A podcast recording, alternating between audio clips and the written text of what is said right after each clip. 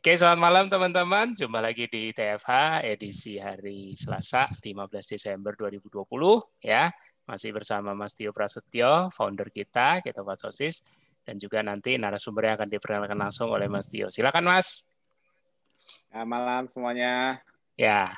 Ah, udah, udah, udah berapa kita nih hari ini, Mas? Kita total sudah 52, Mas. Nah, mantap. Ya. Hmm, hmm. Uh, nanti mudah-mudahan lebih banyak lagi. Oke, okay, uh, malam ini uh, Malam ini tamu kita uh, suami Mbak Wulan. Mbak Wulan salah satu dari uh, narasumber TFH. Aku lupa kapan. episode episode TFH-nya udah banyak banget soalnya. episode TFH udah banyak banget soalnya. Ya alhamdulillah nih uh, setelah izin dengan istrinya, aku diizinkan untuk mengundang suaminya yang juga tenaga kesehatan. Namanya Dr. Atono.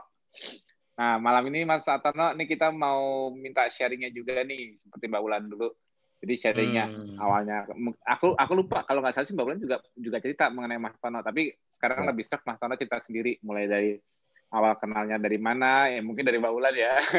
Iya. Terus uh, uh, kendalanya apa, uh, masalahnya apa, ada beda selera nggak dengan Mbak Bulan selama ma makannya pilihannya. Kalau kemarin kan kita langsung berkemarin kita kan beda selera suaminya sama suami istri susah. Kalau ini aku pengen tahu juga nanti ceritanya gimana. Terus kendala-kendalanya apa, terus mungkin respon lingkungan sekitar, keluarga, mungkin hmm. mertua atau sejawat misalnya gitu lah. Hmm. Nah, iya. coba tolong bantu cerita dulu mas. Oke, baik. Terima kasih uh, peserta TFA yang uh, dimuliakan pada malam hari ini. Salam kenal. Ya. Salam kenal juga, Mas.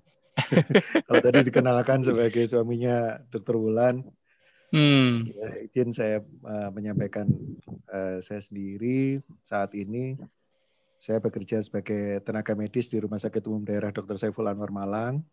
Uh, hmm. Saya bekerja di Departemen Bedah uh, secara khusus di divisi bedah toraks, kardiak dan vaskuler. Hmm. Tadi sudah tadi sudah ada yang nyauti itu bedah jantung ya. Iya betul saya di situ. Oke, okay, uh, saya akan memulai dengan perkenalan saya dengan KF, ya ceritanya pada saat uh, itu Wulan mencoba memberikan alternatif penata layanan sakitnya kakak yang terkena kanker nasofaring waktu itu. Dan pada saat yang sama, uh, dia menyarankan untuk saya juga langsung ikut bersama-sama. Itu kira-kira hmm. berapa beberapa bulan sebelum saya KF beneran. Jadi artinya saya pernah mencoba karena eh, masukan dari istri saya. Cuman pada saat sakau gula kita sama-sama belum kenal tuh mesti mesti ngapain apa-apa eh, yang mesti disiapkan. Jadi senjatanya belum belum selengkap pada saat saya memulai KF yang sebenarnya di tanggal 13 Februari tahun 18. Jadi kira-kira empat bulan berselang. Hmm, ada, ada okay. jeda. Jadi setelah setelah saya sakau gula itu ya akhirnya saya berhenti karena baru dua hari kemudian pusing kepala seperti apa ya kalau kita mau ujian lupa makan itu loh. Iya. karena karena, hmm, karena kayak ada gula kayak gulanya hilang gitu loh, kayak tenaganya hilang. Iya betul. Jadi seperti kayak kita kosong. mau bela belajar tapi lupa makan ya kira-kira seperti itu. Ah. Hmm. Uh, dari saya sendiri sebetulnya eh, motivasi dalam atau inner motivation saya enggak begitu kuat sebetulnya KKF sampai kemudian saya melihat hasil awal dari kakak yang ditata laksana IKF oleh istri saya di mana saya melihat dengan mata kepala sendiri tumor yang berukuran kurang lebih tiga kali empat dalam diameter itu betul-betul menipis dan bisa dikatakan secara fisik tumor itu menghilang sehingga kami bisa melihat lubang lubang kulit ke trakeanya kakak ya. Jadi karena hmm. tumor itu menembus menembus trachea, jadi waktu mengecil hilang itu lubang. Nah dari situ saya melihat realita gitu loh bahwa setelah eh, berpuasa dan KF masa tumor itu sendiri seperti kelaparan ya dia mati gitu terus hmm. uh, apa namanya mengecil. Nah dari situ baru kemudian uh, istri saya memberikan motivasi luar ke saya yaitu tentang problem kesehatan yang saya alami sendiri. Saya punya banyak problem uh, Mbak Mbak Mas Mas semua. Yang pertama yang pasti ini merupakan tanda dan gejala karena saya punya uh, problem apa namanya metabolik ya metabolik disorder karena munculnya bersamaan. Jadi saya tidak punya peningkatan gula darah, tetapi saya punya hipertensi, dislipidemi, dan gouty arthritis yang lebih awal karena memang rupanya saya punya defek PRPP. Kemudian oh, saya sendiri sedang defect. overweight oh. saat itu. Hmm. Dan pernah dioperasi renal stone. Dan pada saat yang bersamaan yang menyebabkan saya menjadi overweight itu karena saya punya GERD. Ada gastritis. Sehingga hmm. saya memberikan konsekuensi untuk gastritis saya dengan cara banyak makan.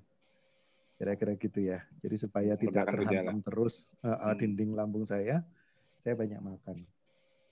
Nah, dari situ kemudian problem berikutnya ya sebagai konsekuensi problem kesehatan saya, uh, obat-obatan yang saya minum ya analgesik pasti, uh, hmm. kelompok NSAID, Eh, kemudian berikutnya setelah ketahuan pada saat renal stone saya dioperasi itu dokter biusnya kaget tensi saya tinggi sekali di 180 per 100 saat itu. Sehingga kemudian dokter jantung saya memberikan obat antihipertensi sampai dua macam kalsium channel blocker dan juga ACE inhibitor karena saya punya problem yeah. di ginjal jadi dua macam obat itu dan itu Eh, diberikan dalam bentuk kombinasi. Dan dislipideminya ya seperti pada umumnya kalau ada problem di lemak diberikan statin. Untuk GERD saya, saya diberi anti H2 dan uh, proton pump inhibitor. Jadi kompleks obat-obatan yang begitu banyak ini yang kemudian setelah saya KF betul-betul saya syukuri karena pada hari pertama saya KF itu pun Obat-obatan itu sudah tidak saya minum. Dan saya buktikan pada saat hari ketiga kami reunian waktu itu ke Lombok, itu tensi saya langsung turun tanpa obat, posisinya sudah di 130-an, dan yang luar biasa saya bisa makan kembali seafood yang notabene sebelumnya itu pantangan buat saya karena saya hiperurisemi. Uh, ada hal-hal uh, penting yang lain yang kemudian saya ketahui bahwa saya dulunya sebelum metabolic disorder itu muncul, saya juga penikmat kopi, tapi waktu itu masih pakai gula. Dan berikutnya setelah kurang lebih 10 sampai 15 tahunan itu saya nggak berani ngopi karena GERD saya selalu kambuh. Hmm, hmm. Setelah KF kurang lebih sebulan, berat badan saya turun kira-kira baru 5 kiloan waktu itu. Uh, saya sudah bisa minum kopi tanpa ada nyeri lambung. Hmm. Ternyata itu lebih banyak karena saya diberi ponari ya, yang dikasih apa, apa namanya? Iya cuka uh, hmm. apel ya, hmm. cuka hmm. itu. Jadi dengan konsep konsepnya seperti itu ternyata perbaikannya cepat sekali dan sehingga saya bisa menikmati kopi kembali tapi yang kali berikutnya tanpa gula.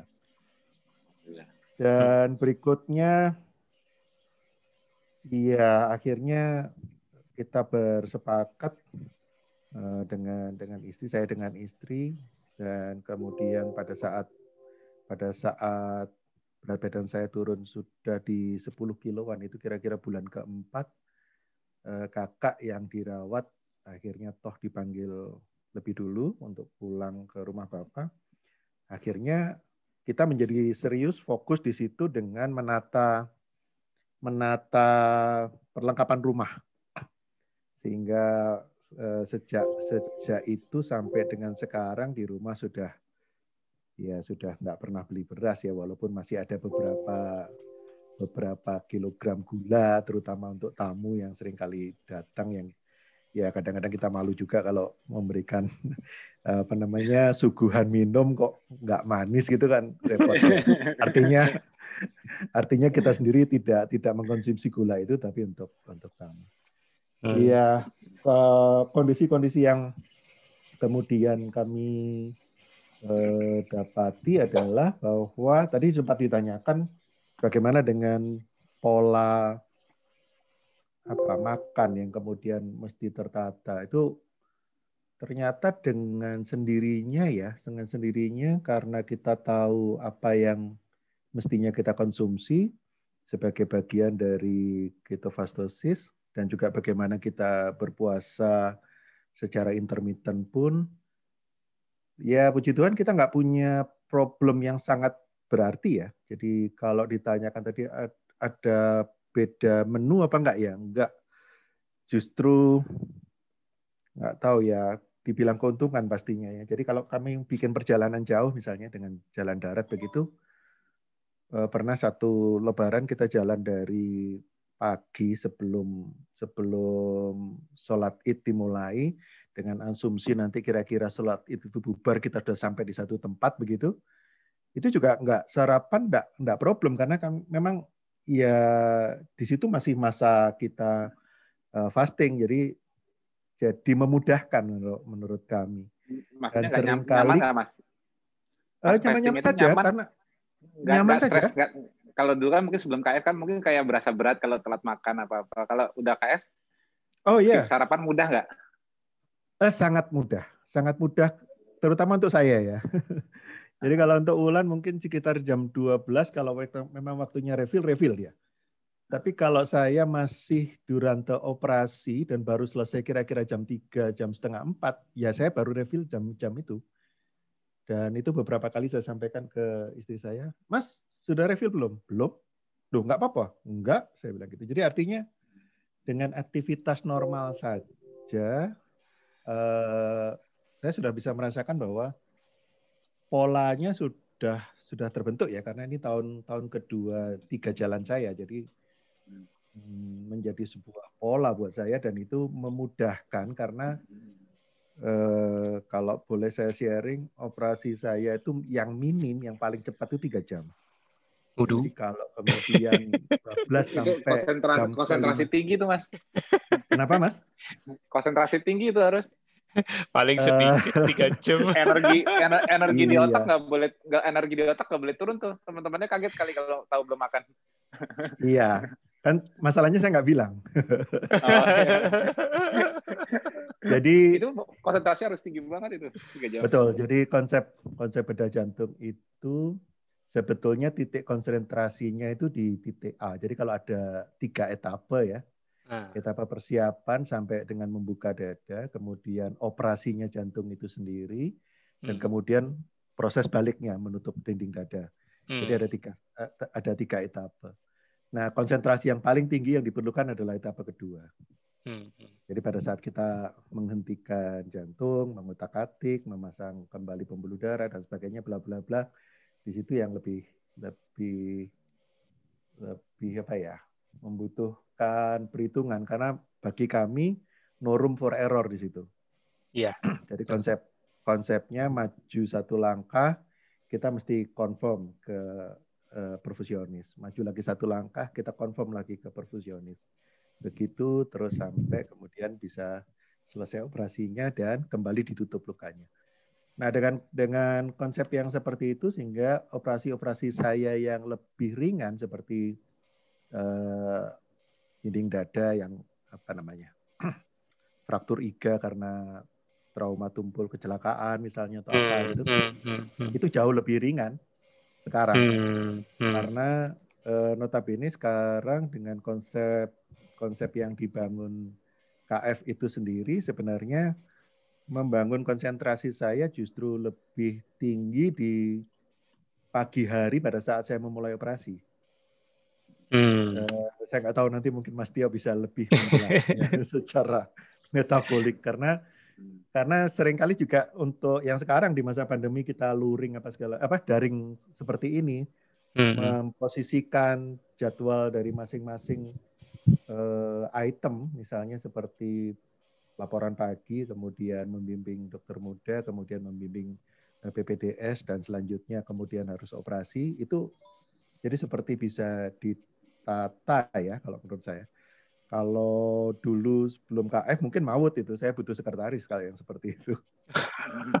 jadi kira-kira kira-kira sekarang tingkat kenyamanan saya menjadi lebih ya lebih eh, tertata, lebih eh, fokus ya untuk bisa menyelesaikan satu demi satu. Walaupun mungkin kalau kalau diberikan tugas secara simultan begitu mungkin saya masih agak agak gugup untuk menyelesaikannya. Tapi hmm. artinya fokus dari satu demi satunya saya masih bisa mengkontrol dibandingkan masa lalu.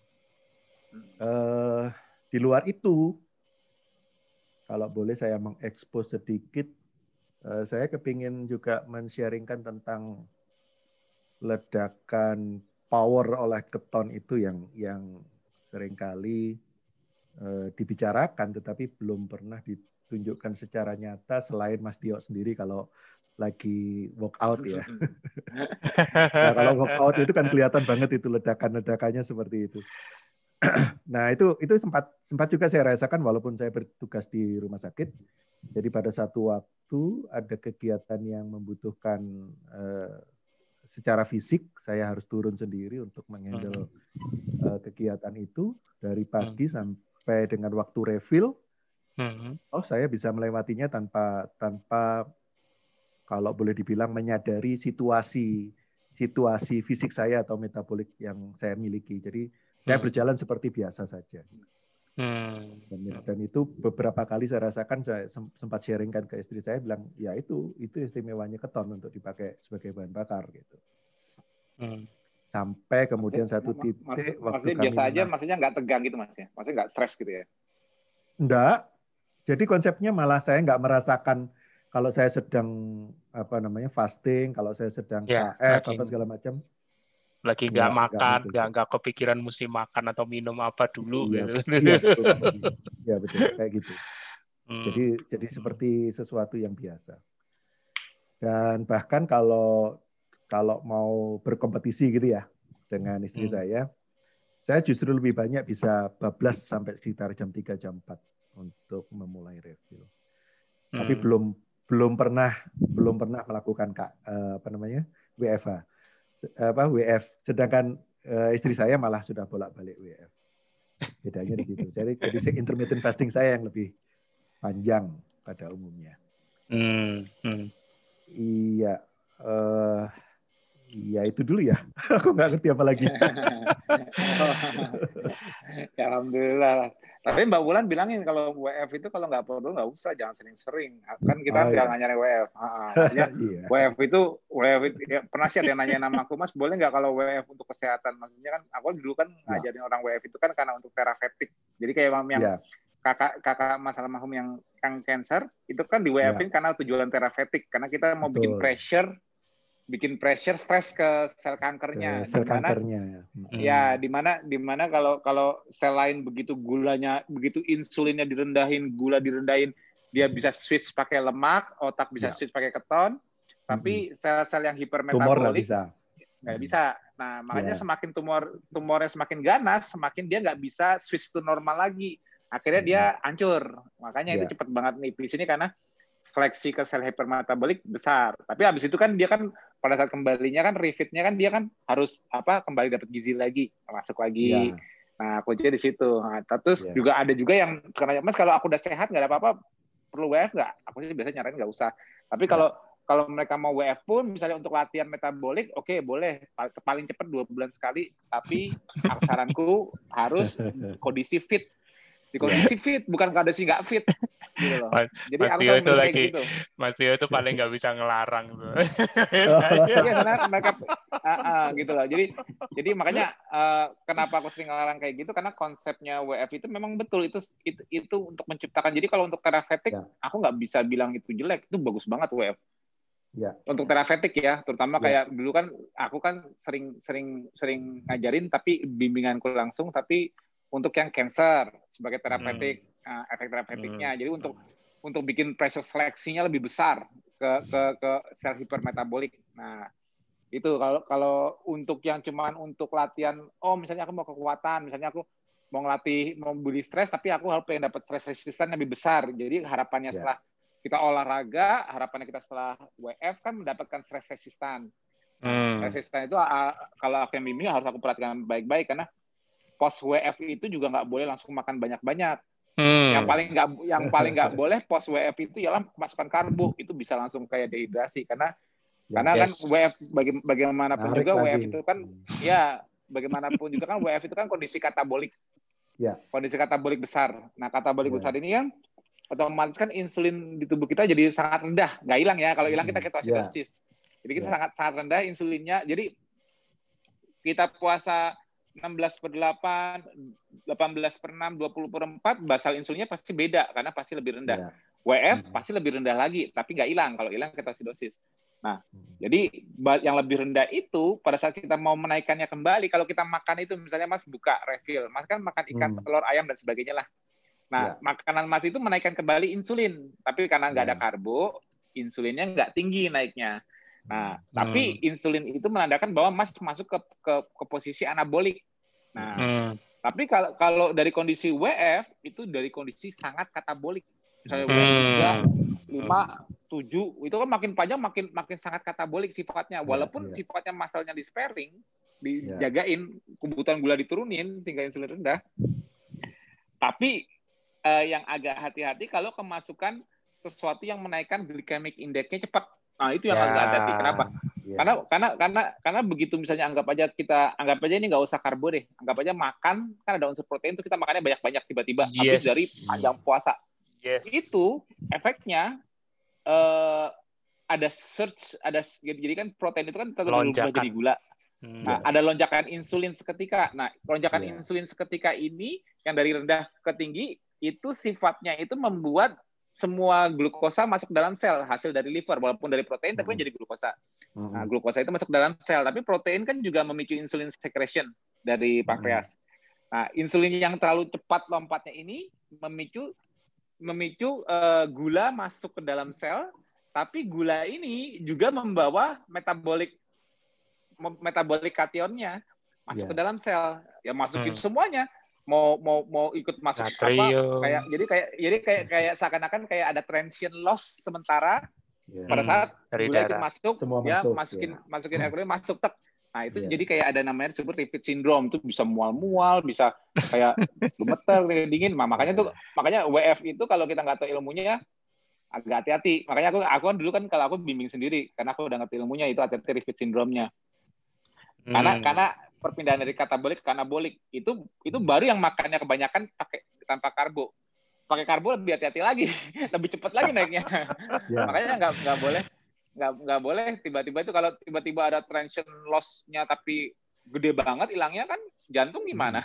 yeah. analoginya gitu. kayak orang nyelam ya mas ya makin dalam yeah. dia menyelam mau naik ke permukaan yeah. harus Pelan -pelan. makin perlahan-lahan betul ah, ya. betul betul karena pressure ya, nitrogen itu.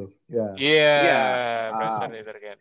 Nah, makanya ini, jadi ini yang itu, ini yang sering itu Mas. Uh, karena tadi kan hmm. Mas bilang, Mas Tio bilang, nah ini mungkin nanti Mas Artono bisa nimpali ini yang sering yang sering menarik minat dari WF itu kan oh bagus ini efek terapeutiknya oke. Nah, kadang-kadang nih. Kamu nggak bisa bilang enggak, bagus. Betul, betul. Aku tahu. Nah, cuman kadang-kadang orang nanya ini kan suka sudah ada mindset nih. Terlepas dia punya kekhawatiran atau memang ada kondisi medik yang memang membutuhkan terapeutik itu. Cuman kan yang mem mem membedakannya adalah kondisinya bagaimana, apakah memungkinkan atau tidak. Kalau tadi Mas Tio udah kasih kasih rambu-rambunya tuh hanya untuk yang fit ya itu ya. kalau dan di kondisi khusus yang memang harus diawasi langsung. Nah, itu kayaknya mesti harus ditegesin tuh, Mas. Supaya ya. orang udah langsung main, wah ini efek terapeutik terus khawatir jangan-jangan aku ada cancer, jangan-jangan ada kista, aku mau itu duluan diberesin gitu. Jadinya ya memang kadang-kadang jadi karena, karena ya karena memang uh, memang aku nggak bisa nutupin. Walaupun aku nggak iya. walaupun aku nggak mau nulis di protokol kenapa? Karena kalau di protokol itu kan nanti semua orang pakai WF nggak bijak berantakan. Ya. nah, itu dia. Tapi WF, WF ya tapi WF itu memang jujur aku nggak bisa bohongin. Cancer jadi cepet remisi, maksudnya cepet hancurnya kan Mas juga lihat sendiri efeknya ke kakaknya. Terus yes. misalnya uh, yang yang ada ya ya sistik, miom, apa pun. Begini nih, intinya gini, gampang ini. Pada saat di tubuh kita ada suatu sel yang hipermetabolik, yang ujungnya hiperproliferatif, berkembang cepat, hmm. uh, atau atau yang bersifat uh, atau atau respon imun kita sendiri yang terlalu responsif hmm. alias inflamatori, contohnya autoimun. Yeah auto jadi autoimun itu kan bentuk sel imun kita sendiri tapi yang yang yang anabolik sangat anabolik ya. nah, kalau kalau kalau imun itu kan di kondisi tidak anabolik atau steady state itu kan dia kan tidak tinggi gula pakainya dia malah pakai lemak oh, ya. beta oksidasi hmm. tapi kalau hmm. di imunnya lagi nyerang ada musuh kalau ada musuh benar imun juga pakai gula tapi kalau autoimun kan tidak ada musuh atau atau musuhnya teman sendiri dianya overreaktif. Nah, jadi contoh, ya. jadi contoh-contoh sel hipermetabolik yang ada di tubuh, contohnya infeksi, contohnya apa? Uh, sel, sel cancer, malignansi, atau autoimmunity, itu aku nggak bisa membohongi efek WF itu sangat bagus.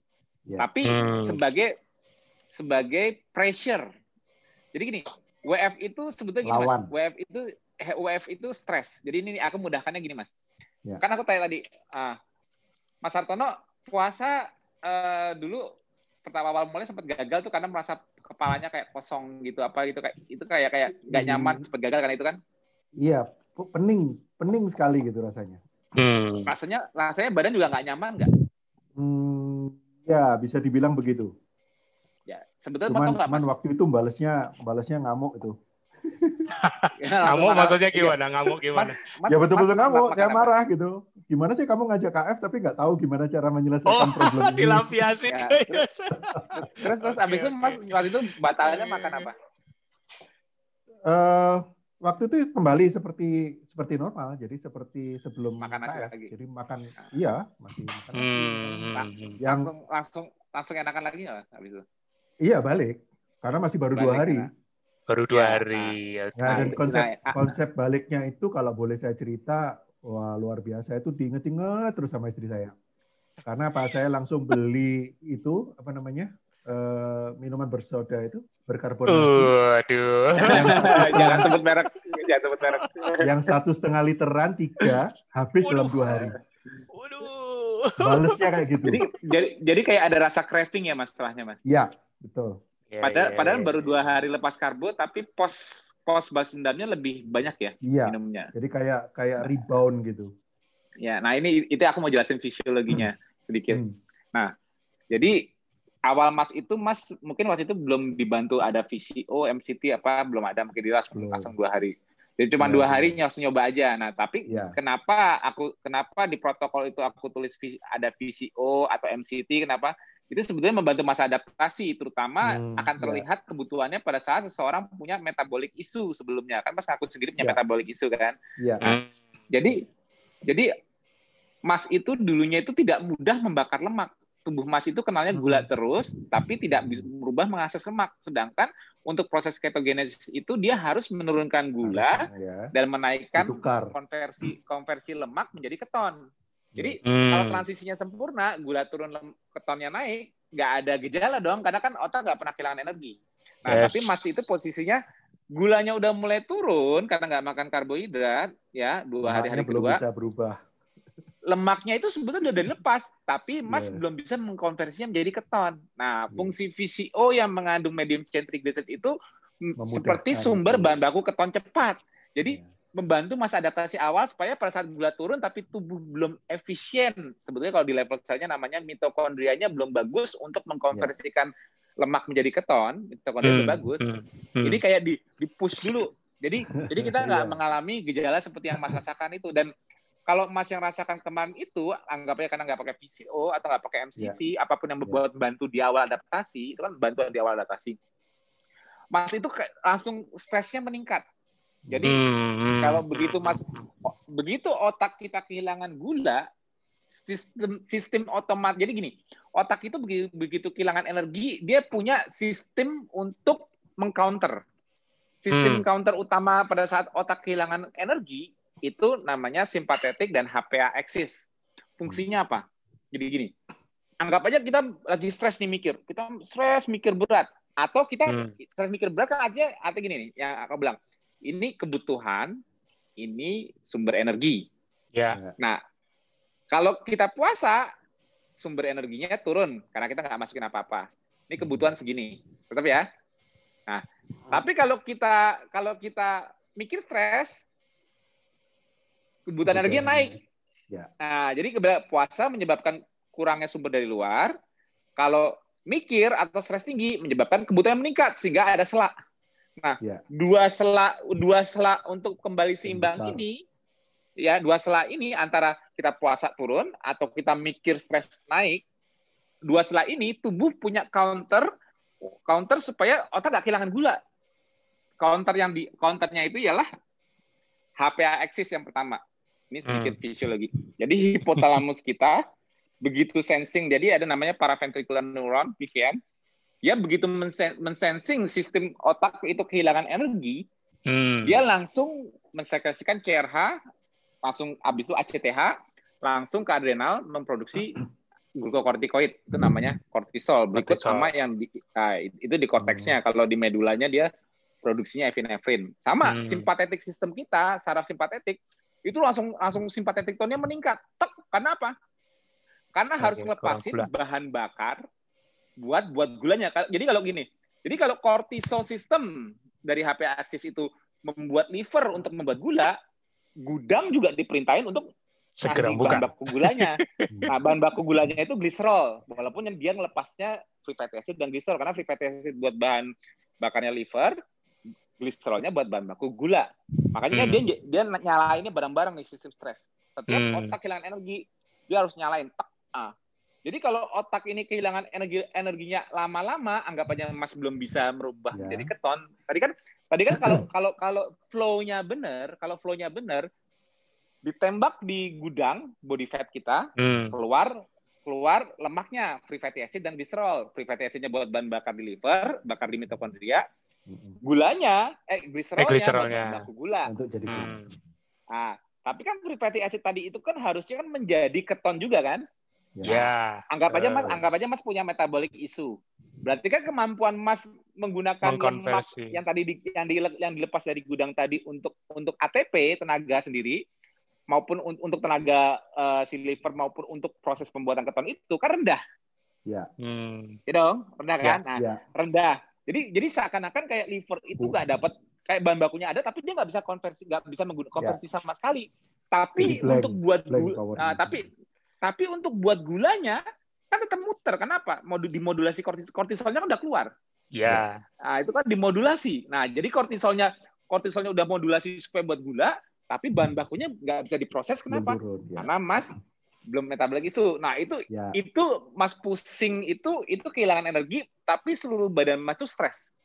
Hmm. Nah, hmm. begitu Mas seluruh, seluruh badan Mas stres, itu Mas bakal merasakan bergejala lain, mungkin kayak lebih tegang, lebih sorry nih mohon maaf, lebih ya. baperan, lebih ya. kayak pengen marah. Nah, sorry ya.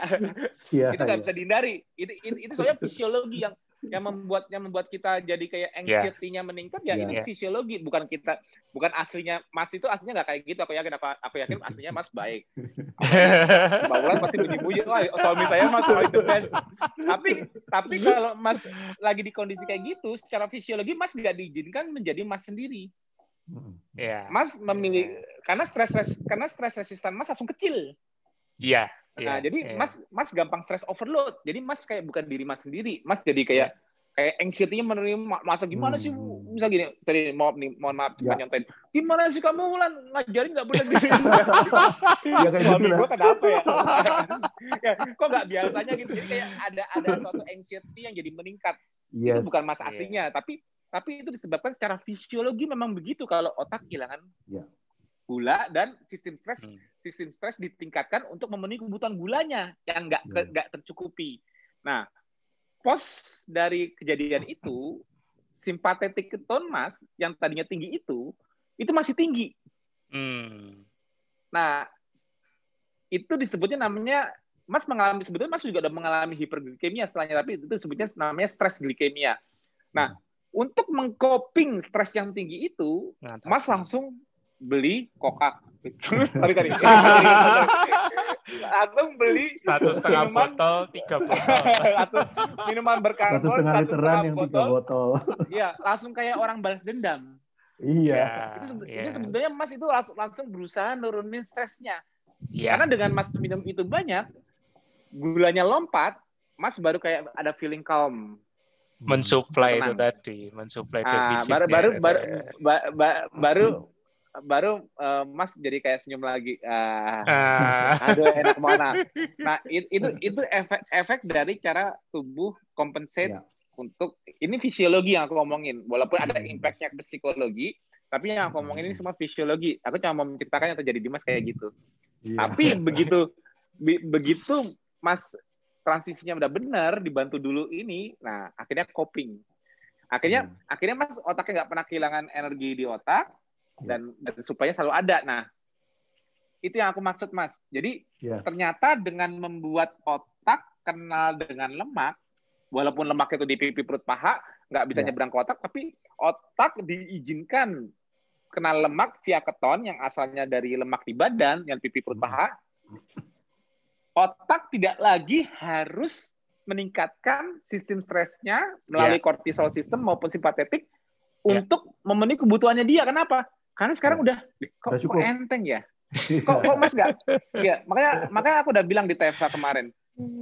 Diet diet apa pun hmm. yang mengurangi jumlah makanan atau membatasi jendela makan, contohnya puasa panjang, tapi hmm. kalau otaknya nggak boleh kena lemak, itu stresnya aku nggak ngebayangin kayak apa. Iya. Yeah. nah, jadi jadi sisi orang yang, orang yang seberang jadi, betul betul. Iya, jadi jadi kan kita kan tahu di luar gini kan mungkin Mas kamu ngapain sih diet diet kan atau orang oh, itu ngapain sih diet diet itu diet itu nggak bagus tau nggak nanti malah kamu kurang gizi atau misalnya diet itu malah bikin sakit itu itu anggapan banyak orang di dunia ini kenapa karena diet itu suatu hal yang tidak nyaman ya karena karena jujur berbagai diet kalau mengurangi jumlah kalori dari makanan maupun dia membatasi kapan dia bisa makannya, memberikan jeda di mana ada muncul hipoglikemia, di situlah stresnya kita tinggi.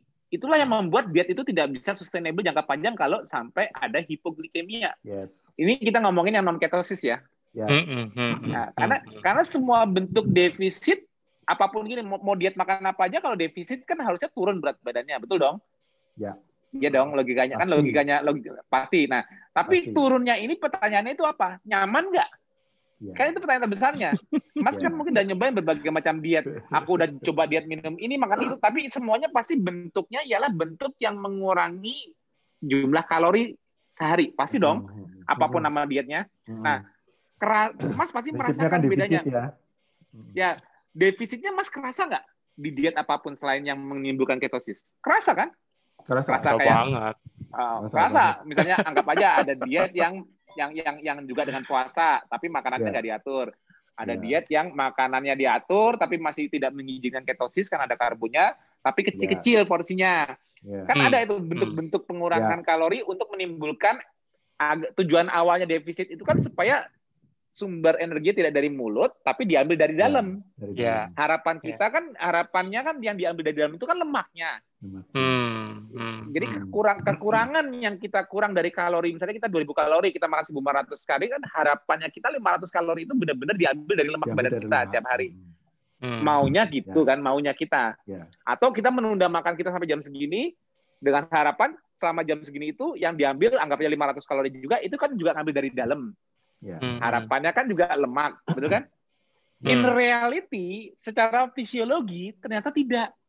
Secara fisiologi, semua defisit yang terbentuk itu bukan mengambil cadangan tangki bensin. Karena ya. setiap organ, setiap organ tubuh kita, contohnya otak, nggak bisa mengakses lemak di badan. Kebutuhan gulanya masih ada. Jadi kalau dia dikondisikan ke time frame puasa yang yang dia butuh gula, lainnya butuh lemak, ya otak tetap nyari gula 500 ya. kalori itu harus ada unsur gulanya dan susah ya. ngambil dari badan. Hmm. Itu kan nggak mungkin kan? Nah, karena, nah jadi dari 500 kalori ya. ya, karena 500 kalori ke defisit selama puasa itu anggap aja dari 5 anggap aja yang 200 kalorinya itu 200 kalori gula, bukan 200 kal bukan bukan 200 kalori lemak juga seperti yang lain. Anggap aja yang dari defisit 500 kalori itu 300 kalorinya lemak, oke okay lah bisa dipakai jantung, otot dan sebagainya untuk bergerak. Tapi otak nggak bisa. Nah, gak bisa. itu yang menimbulkan efek kehilangan energi di otak ini meningkatkan simpatetik tone kita. Yeah, Makanya Mas kalau pernah ingat-ingat kalau defisit kalori udah makan tuh Mas kayak lebih tegang, lebih nggak nyaman, kayaknya badan serba salah. Hmm. Kayak apa? Itu itu sebetulnya sebetulnya itu gejala gejala stres kita lagi tinggi. Karena apa? Yeah. Kita yeah. defisit. Yeah. Bisa yes. lu kok cemberut aja bawaannya? Iya nih, lagi diet. Bilang, kenapa nggak makan aja? Ya, ya kan diet. Oh, kita lemes. Ya lemes. Makin stres. Kok nggak mau? Jadi kayak kayak kayak kayak kita nggak bisa menikmati defisit yang sedang terjadi. Ya. Atau kita menunda makan, tapi kita nggak ketosis, kita merasakan menunda makan itu kok kok kayak berat, tegang, nggak nyaman.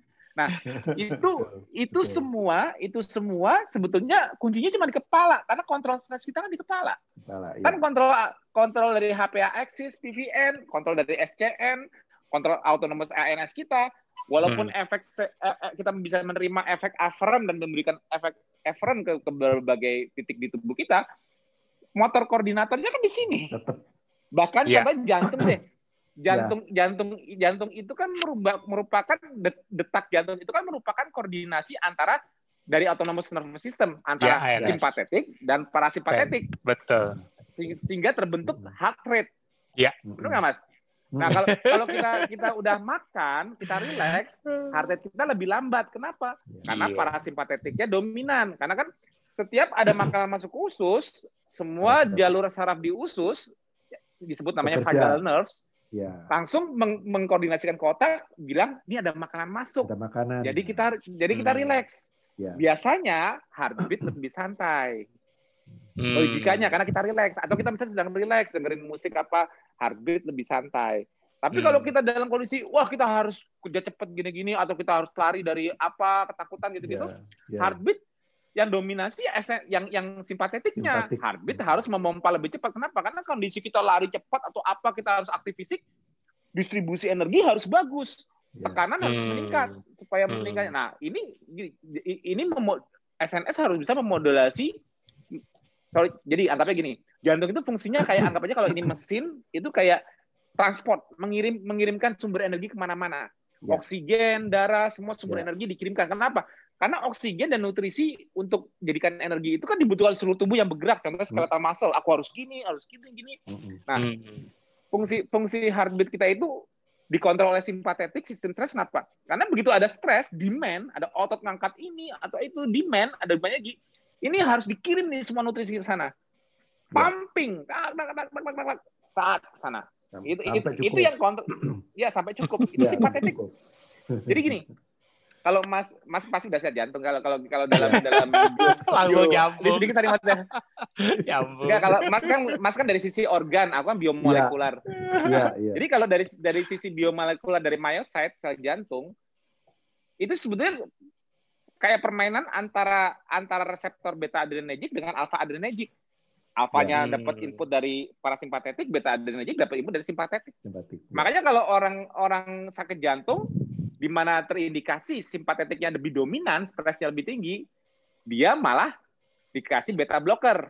Beta ya. blocker itu artinya dia mengasih suatu substansi yang inhibit yang sama-sama kompetisi untuk nempel di beta ya, meng, ya menghalangi menghalangi triggernya SNS. Jadi misalnya ya. dia ada takikardi atau apa dia berkurang. berkurang. Karena itu kan yang memicu, yang memicu kan stresnya kan. Ya. Coba anggapnya gini, orang kalau stres dikit aja kan dak dak dak dak dak Ya. Jadi jadi jadi kayak stres karena karena gerakan tangan atau stres karena kita butuh energi buat bergerak atau kabur ya. dari sesuatu itu sistem stresnya sama dengan stres kalau kita mikir misalnya gini kita, kita stres ya. ketakutan apa kita apa hmm. itu itu efek ke sistem simpatetiknya sama jantungnya juga deg deg deg deg deg gitu aduh kok kayak kita lagi parnoan lebih deg-degan apa jadi jadi kita resting heart rate kita pasti meningkat nah jadi jadi sistem stres itu justru paling ter jadi gini. Kalau untuk kenapa aku bilang untuk mengetahui kita stresnya berlebihan apa enggak, paling gampang itu ngecek resting heart rate. Kenapa? Karena yang paling mencerminkan status stres kita berlebihan apa enggak ialah resting heart rate di pagi hari. Kalau pagi hari hmm. kita udah biasanya santai bangun pagi gini, ini udah dok dok dok dok. Gimana kita mau jalan jauh nih? Anggap aja di hutan nih. Di hutan orang kalau pagi harus mau cari makan tapi pagi-pagi udah. Gimana dia bisa bisa bisa cari makan kalau kayak gitu? Gak yeah. bisa. Karena dia stresnya berlebih. Itu yang aku maksud. Yeah. Jadi dia harus jadi fungsi tidur itu meriset semua stres menjadi nol supaya pagi hari kita menggunakan stress basal. system itu dari dasar, yeah. dari hmm. basal. Hmm. Ya. Jadi hmm. ketahuannya orang punya problem contohnya hipertensi, punya problem seperti aritmia, takikardi, hmm. pokoknya semua masalah itu sebetulnya kalau mau dikasih mau dicari akar masalahnya yang patofisiologi sebenarnya itu bukan di jantungnya yes, masalah.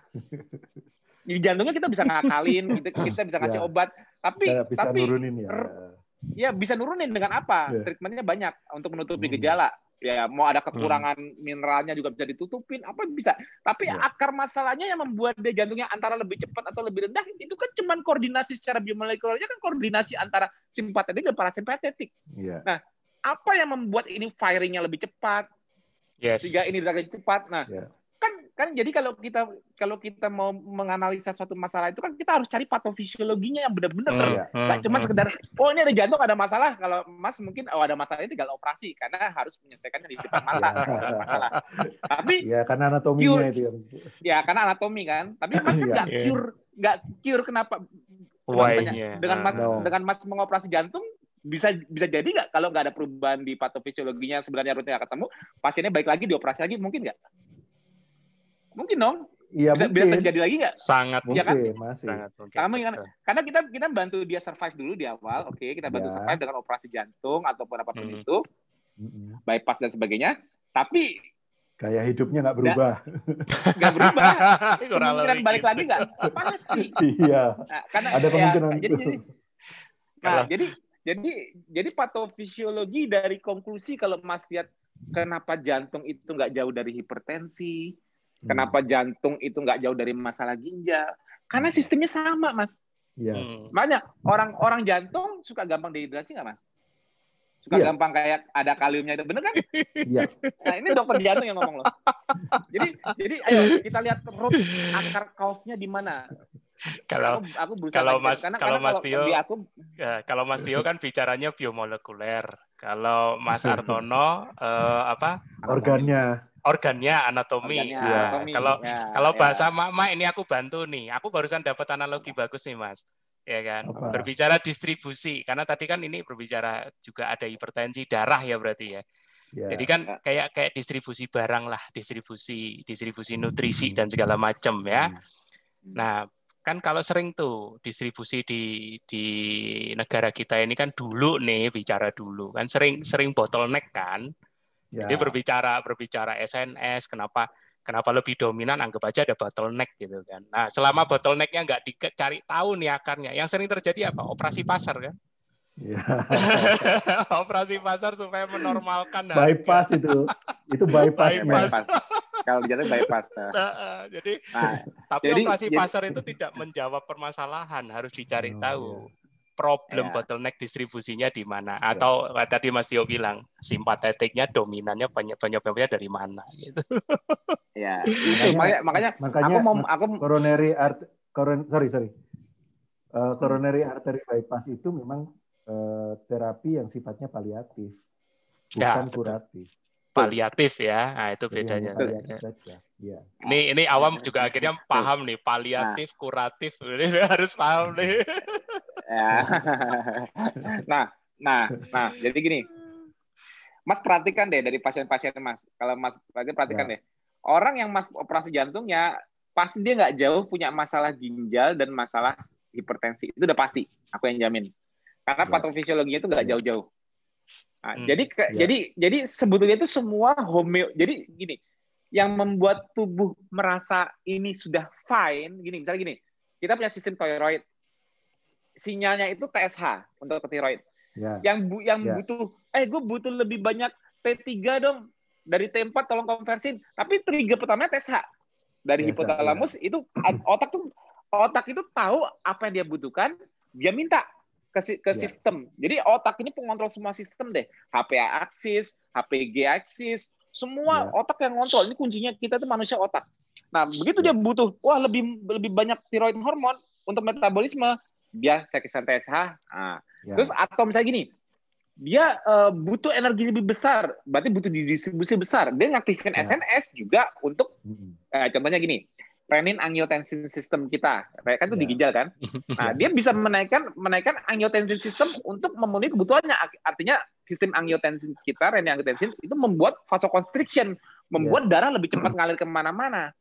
Nah, itulah itulah kalau makanya sorry nih ya, Mas kan hmm. dikasih ACE blocker ya itu, itu sebetulnya juga cuma nutupin gejala nggak iya, nyelesain masalah karena karena dengan dengan nutupin S-nya harapannya apa angiotensin satu tidak menjadi angiotensin dua sehingga tidak, tidak terjadi tidak konstriksi tidak ya tidak konstriksi itu kan cuma ya. cuma akal-akalan kalau mau dipikir ya. akhirnya kalau masih disuruh minum itu kan berarti kan harus seumur hidup nggak usah mikir iya. nggak ya. usah nyelesain masalah ini minum aja seumur hidup ya. supaya kamu tensinya nggak naik kan tujuannya gitu ya. kan hmm. sama nih uh, kamu sakit jantung nih beta blocker diminum. Kenapa? Ya. Kalau nggak diminum, kamu nggak bisa nutupin firing firingnya dari simpatetik ya. yang di jantung. Nah, ya. Jadi semuanya sebab nutupin.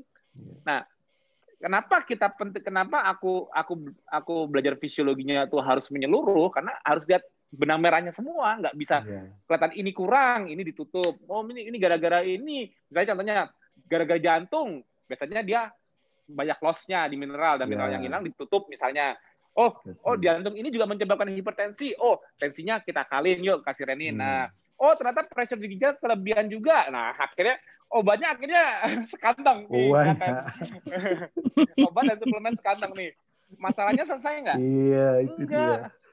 nah nggak jadi selesai. jadi jadi nggak selesai jadi jadi root cause-nya itu di sini mas hmm. otak selalu tidak melihat ada tidak balance. Jadi otak selalu memberikan output. Jadi dari input-input yang dia terima, dia selalu memberikan efferent respon ke berbagai tempat, ialah tidak seimbang. Dia butuh disimbangkan. Yeah. Nah, kita dibantu simbangkan dengan berbagai macam obat. Tapi kita berusaha membuat otak membentuk menemukan keseimbangannya kembali sehingga dia simpatetik nerve-nya tidak nembak berlebihan sehingga dia tidak tidak memicu memicu apa renin angiotensin sistem untuk apa memsekresikan yeah. uh, apa renin dan angiotensinogen berlebihan misalnya yeah. kontrol aldosteron untuk untuk mineral, mineral dan mineral kortikoid yang untuk jaga reabsorpsi di ginjal juga nggak berlebihan lagi hmm. itu kan itu kan semua butuh keseimbangan yeah. keseimbangan itu kan semua kontrolnya di sini ini ketemunya yeah. di sini nah begitu kita buat otak ketosis otak itu stress sistemnya turun, yang paling kelihatan pertama apa? Orang hipertensi tensinya turun. Dah. Turun. Langsung begitu ketosis langsung tensi itu. turun. Langsung. Bener, langsung Betul, itu. Betul. Nggak mungkin enggak. Itu fisiologi, Mas. Jadi orang iya, orang ya. bikin jurnal orang orang bikin jurnal masih epidemiologi orang keto tensi bagus masih ngitung epidemiologi aku udah tahu dari dulu kenapa aku udah lihat benang merahnya nggak iya. mungkin nggak orang itu sistem kok betul, itu betul, engineering betul. Jadi kalau kita tahu titik-titik engine, kita udah tahu titik-titik engineeringnya, orang masih menerka, kita udah tahu duluan. Ya nunggu masalah jurnal kual ya terserah nanti jurnal kual. Tapi iya. pasti kayak gitu hasilnya. Kenapa? Karena jalurnya udah jelas. Nggak iya. mungkin nggak. Makanya paling terlihat ialah tensi langsung turun begitu orang iya. ketosis. Kenapa? Karena tadinya dia tubuhnya stres menghasilkan energi, stres resistannya digedein. Sak!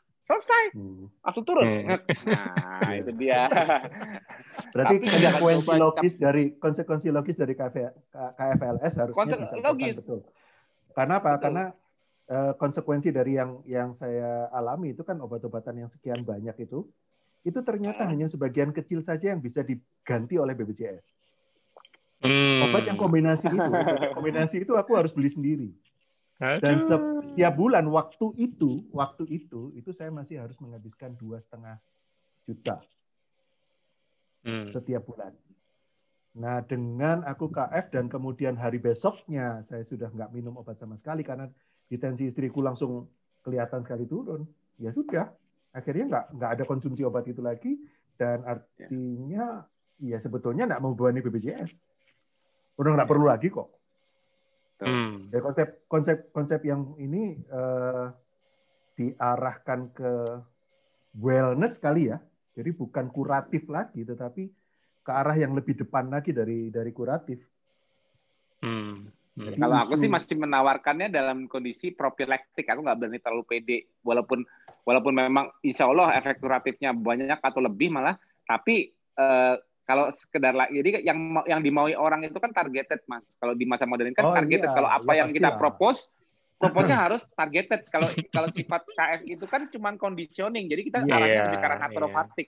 mengkondisikan tubuh supaya membalance sendiri mana yang jadi ada orang yang KF nggak ya biasa aja oh nggak ada yang perlu dibalance ada yang kerasa banget balance-nya kembali. Iya. ada, jadi jadi jadi yeah. karena karena sifatnya kita bukan targeted. Kalau target itu kan harus ada yeah. ada spesifik target dari apa yang kamu propose itu drugs atau apa dan iya. directly yeah.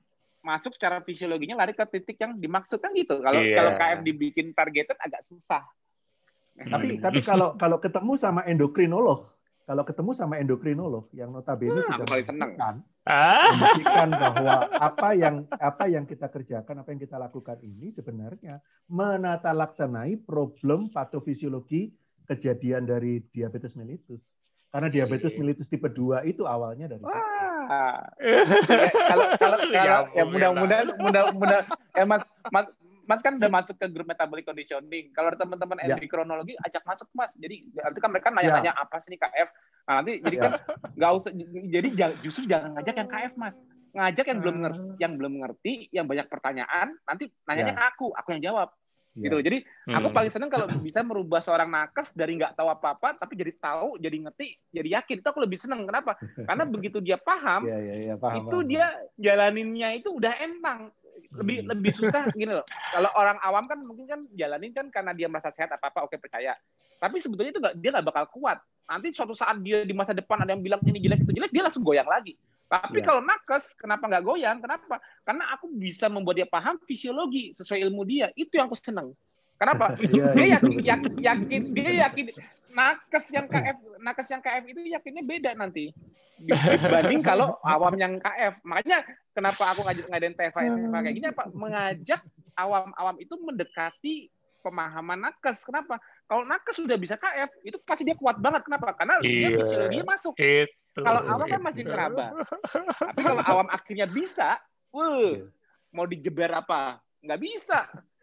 Mau ditakutin apa nggak bisa. Kenapa? Karena paham fisiologi. Nah, itulah kenapa aku senangnya uh, nakes-nakes itu. Kalau bisa, Mas justru yang ngajakin yang orangnya teoritis yang sering baca jurnal itu yang ya. aku jadi aku bisa ya. bisa bisa ngobrolnya kritis gitu. Dia tuh ya. bukannya gini gini gini. Aku bisa jawab gini gini gini. Bisa itu, ngobrol atau bantai mas? maksudnya gini jangan aku nggak kan share knowledge kalau not, not masih nggak bantai lah. Diskusi. Maksudnya kita aku aku aku menunjukkan aku menunjukkan titik-titik yang yang ya, yang yang, yang krusial, seorang endokrinolog ya ya ya titik-titik di fisiologi yang seorang endokrinolog mungkin belum lihat. Sama ya, kayak aku terlewat titik-titik nah, di, di seorang imunolog yang nggak ngelihat as whole. Ya. Aku bisa nunjukin titik-titik di orang, hmm. misalnya apa pun itu. Jadi aku pengennya metabolic conditioning ini banyak dari berbagai keilmuan hmm. itu nyambung semua benang merahnya kita yes. itu yang yes. aku mau. Jadi kayak kayak aku tuh aku tuh bantu nyambung. Nih endokrinolog aku, aku kasih tahu nih, kayak Mas tadi dari sisi jantung, aku yeah. kasih tahu hubungannya. Nah, jadi kan jadi kayak oh gitu loh. Iya. Itu yang aku seneng maksudnya. Jadi, okay. jadi kalau begitu begitu Mas yakin, ya Mas yakin banget. Kenapa? Oh iya ya, benar semua fisiologinya. Gitu iya. loh. Itu yang aku mau. Betul, betul, betul. Mas Tio, oh, sorry. ini mau tanya jawab ya? Iya, nah ini ya, kebetulan ada satu mas. nih, Mas Anton Haryadi. Enggak, enggak, Ke... Ya, monggo. Ya, sorry, dikit lagi. Aku pengen okay. tadi ngasih tahu Mas Mas itu apa Mas Anton mengenai PRPP. Ya. Nanti kalau nggak gini deh, yang yang Mas kan ada ada defect di PRPP sintas. Nah, ya. Nah, PRP sintas itu kan fungsinya kan dia harusnya ada negatif feedback. Kalau Mas yang ngasih tahu itu siapa? Waktu ada defect. Ada dokter Mas ke dokter lain ya? Uh, saya mencoba mencari karena uh, saya punya dua jalur inherited. Jadi dari jalur ayah dan jadi jalur ibu. Ya, itu dua-duanya begitu betul. dan itu betul. ya ternyata jatuhnya ke saya gitu kan. Terus kemudian Betul. saya nah, karena saya explore kenapa gitu. Kenapa? Apa sih nah, Oke. Oke. Oke. Nanti nanti kita ngobrolin di grup metabolic conditioning ingetin ya itu saja aku ini aku mau nunjukin ke jalur purin. Nah, ya. kenapa Mas bisa hyperurisemia? Aku tunjukin, tapi gimana supaya tidak menjadi output misalnya contohnya batu ginjal, renal stone. Nah Hmm. dan sebagainya. Nah, oh, KF-nya udah benar, KF-nya KF udah benar. Karena ya. hyperuricemianya mas karena genetik, sama kayak orang yeah. hyperkolesterolemia genetik. Tapi status seperti apa yang membuat itu non non patologis, maksudnya tidak ya. menimbulkan ya, ya. penyakit. Nah, yang ya. harus Mas jaga nanti aku ajarin di grup metabolic conditioning. Oke, kita tanya Oke, okay, sip. Kayaknya menarik. Mas Tio kali ini bikin aku ketang. menarik. Nggak, soalnya soalnya soalnya jalur PRPP sintase itu jalur-jalurnya dari ribos 5 fosfat, ribos 5 siapa, fosfat. Siapa, siapa. PRPP itu lanjutnya ke purin sintesis. Jadi antara jadi kalau ada peningkatan antara apa hyper uh, hypersintesis atau under secretion. Nah, kalau di KF lebih karena under secretion karena reabsorpsi meningkat. Nah, yes. tetap hyperuricemia, tapi apa yang membedakan kenapa nggak jadi patofisiologi tapi itu fisiologi normal itu biokimia murni nanti aku jelasin di metabolic condition. Okay. Kita lanjut ke, ke mana?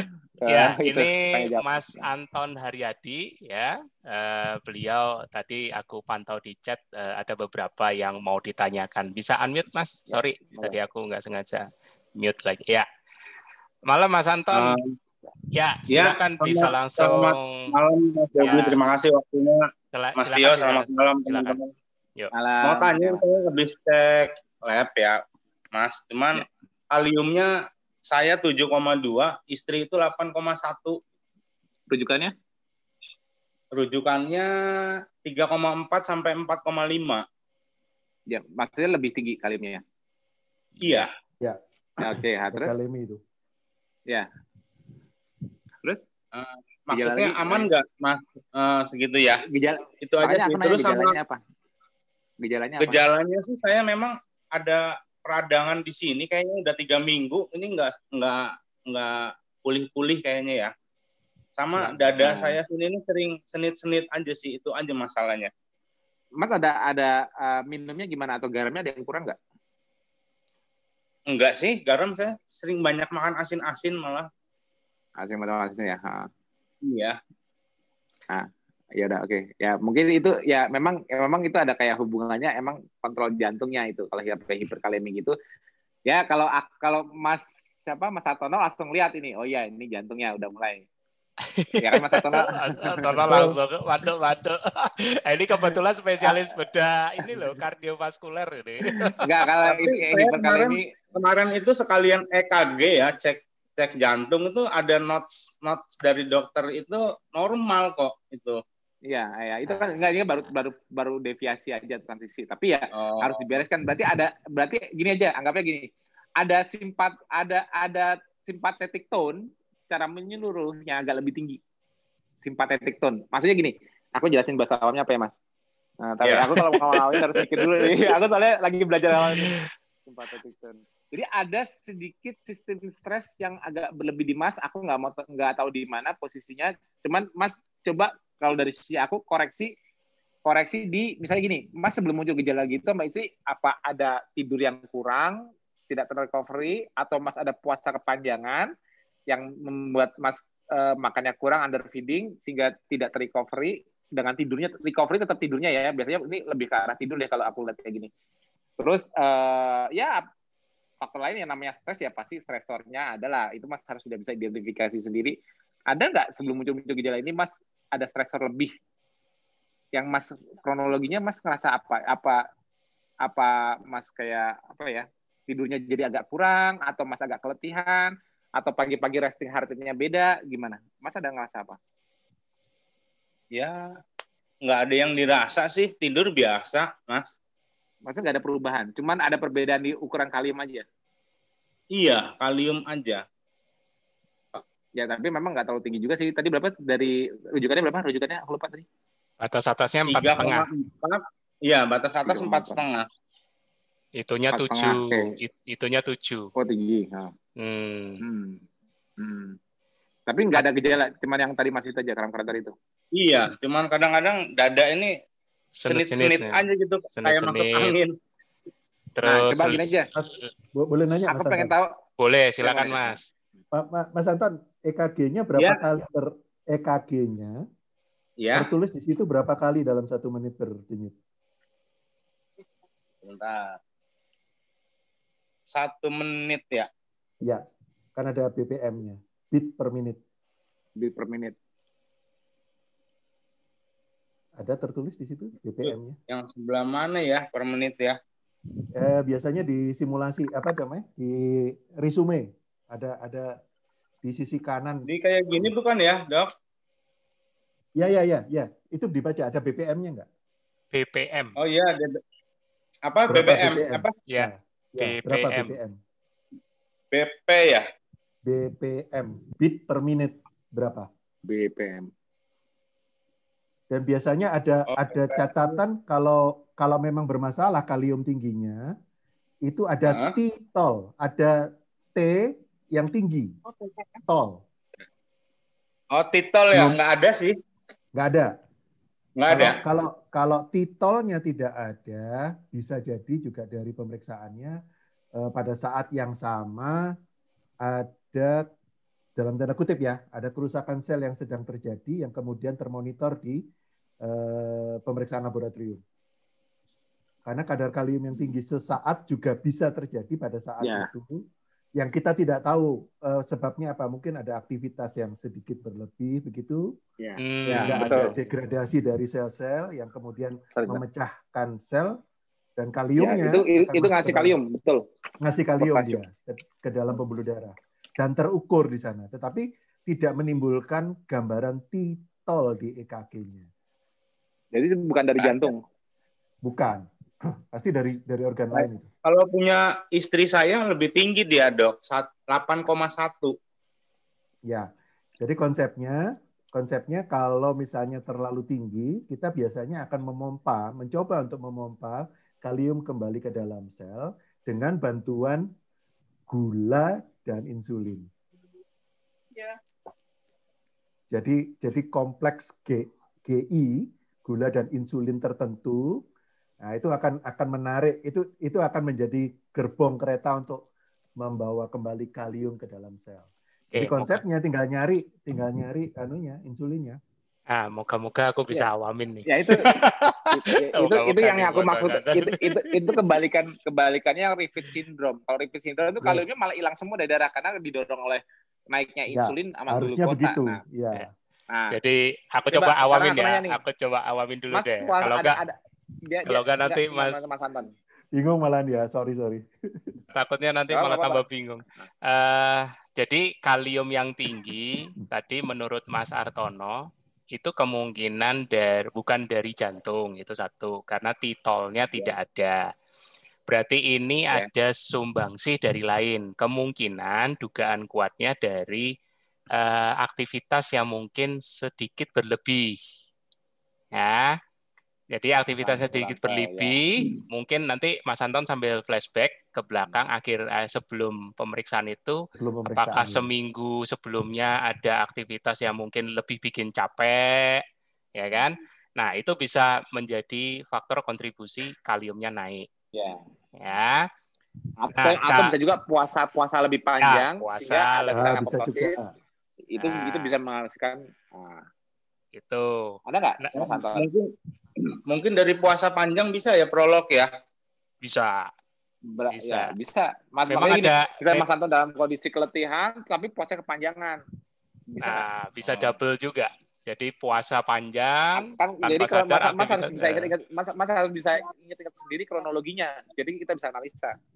Itu. Kalau kita kan cuma dilihatin gejalanya, cuma kita harus tahu kronologinya di belakangnya. Mas merasa habis apa, melakukan apa, gitu lah sama, sama istri saya sama-sama prolog. Aktivitas sih biasa mas Tio. Aktivitas, aktivitas berasa biasa, biasa berarti kemungkinan dari puasa yang lebih panjang aja ya pernah ya? Ya. Hmm. ini ada ada analisanya itu short PR interval. Short PR interval. Iya itu yang saya katakan. Eh, saya mau mau cari tahu berapa BPM-nya berarti BPM-nya tinggi itu BPM-nya agak naik itu kalau short naik, PR ya. interval. Ya udah, berarti udah aman. Stress sistemnya lebih, aku nggak tahu mas ya. nyaman gimana, tapi itu stresnya udah tinggi itu. Ya, posisinya posisi stres itu. Stres ya, tinggi ya? Nggak mungkin nggak. Bukan stres ya, pikiran ya, stres di badan ini yang dimaksud. Nah, ini, Bukan stres pikiran. Kalau garuk-garuk kan, kepala nanti nah, bingung.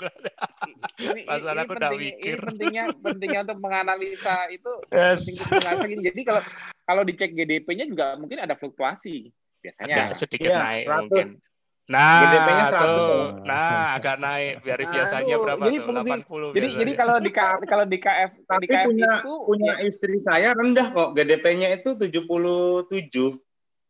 Biasanya berapa, Mas?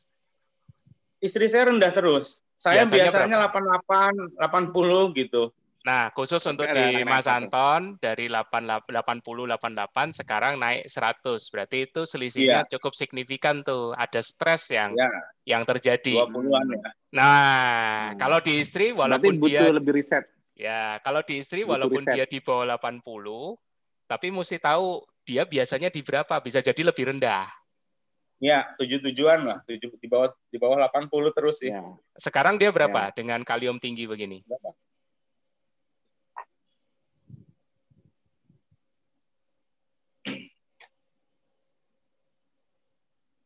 77. Sebelumnya kalau misalnya dia GDP normal, normalnya dia? Kemarin kemarin nggak sempat cek kalium kok yang 2000 tahun sebelumnya nggak sempat cek itu. Hmm, selama selama berKF pernah ngecek GDP terakhir berapa rata-ratanya istri? 75 ya. Oh, 75. Tapi iya. dia belum ada gejala ya, walaupun cuma naik tiga poin. Ya kadang jantungnya berdebar-debar lebih cepat gitu katanya oh, sih. Kadang heart rate-nya agak gitu. naik. Oke. Okay. Hmm, ya. Oke, okay. berarti sama aja ya, sama. BPM sama naik. Yes. Sama aja dua-duanya problemnya sama. Nah, sama. berarti dua-duanya nih PR-nya ialah menurunkan stres. Reset. ya. Harus reset. Berarti udah ketemu jawabannya. Dua-duanya ya. harus ya, ya. menurunkan stres sistemnya. Aku uh, jadi gini, caranya paling jadi waktunya tubuh mereset semua stress system yang digunakan sepanjang dia melek itu tidur.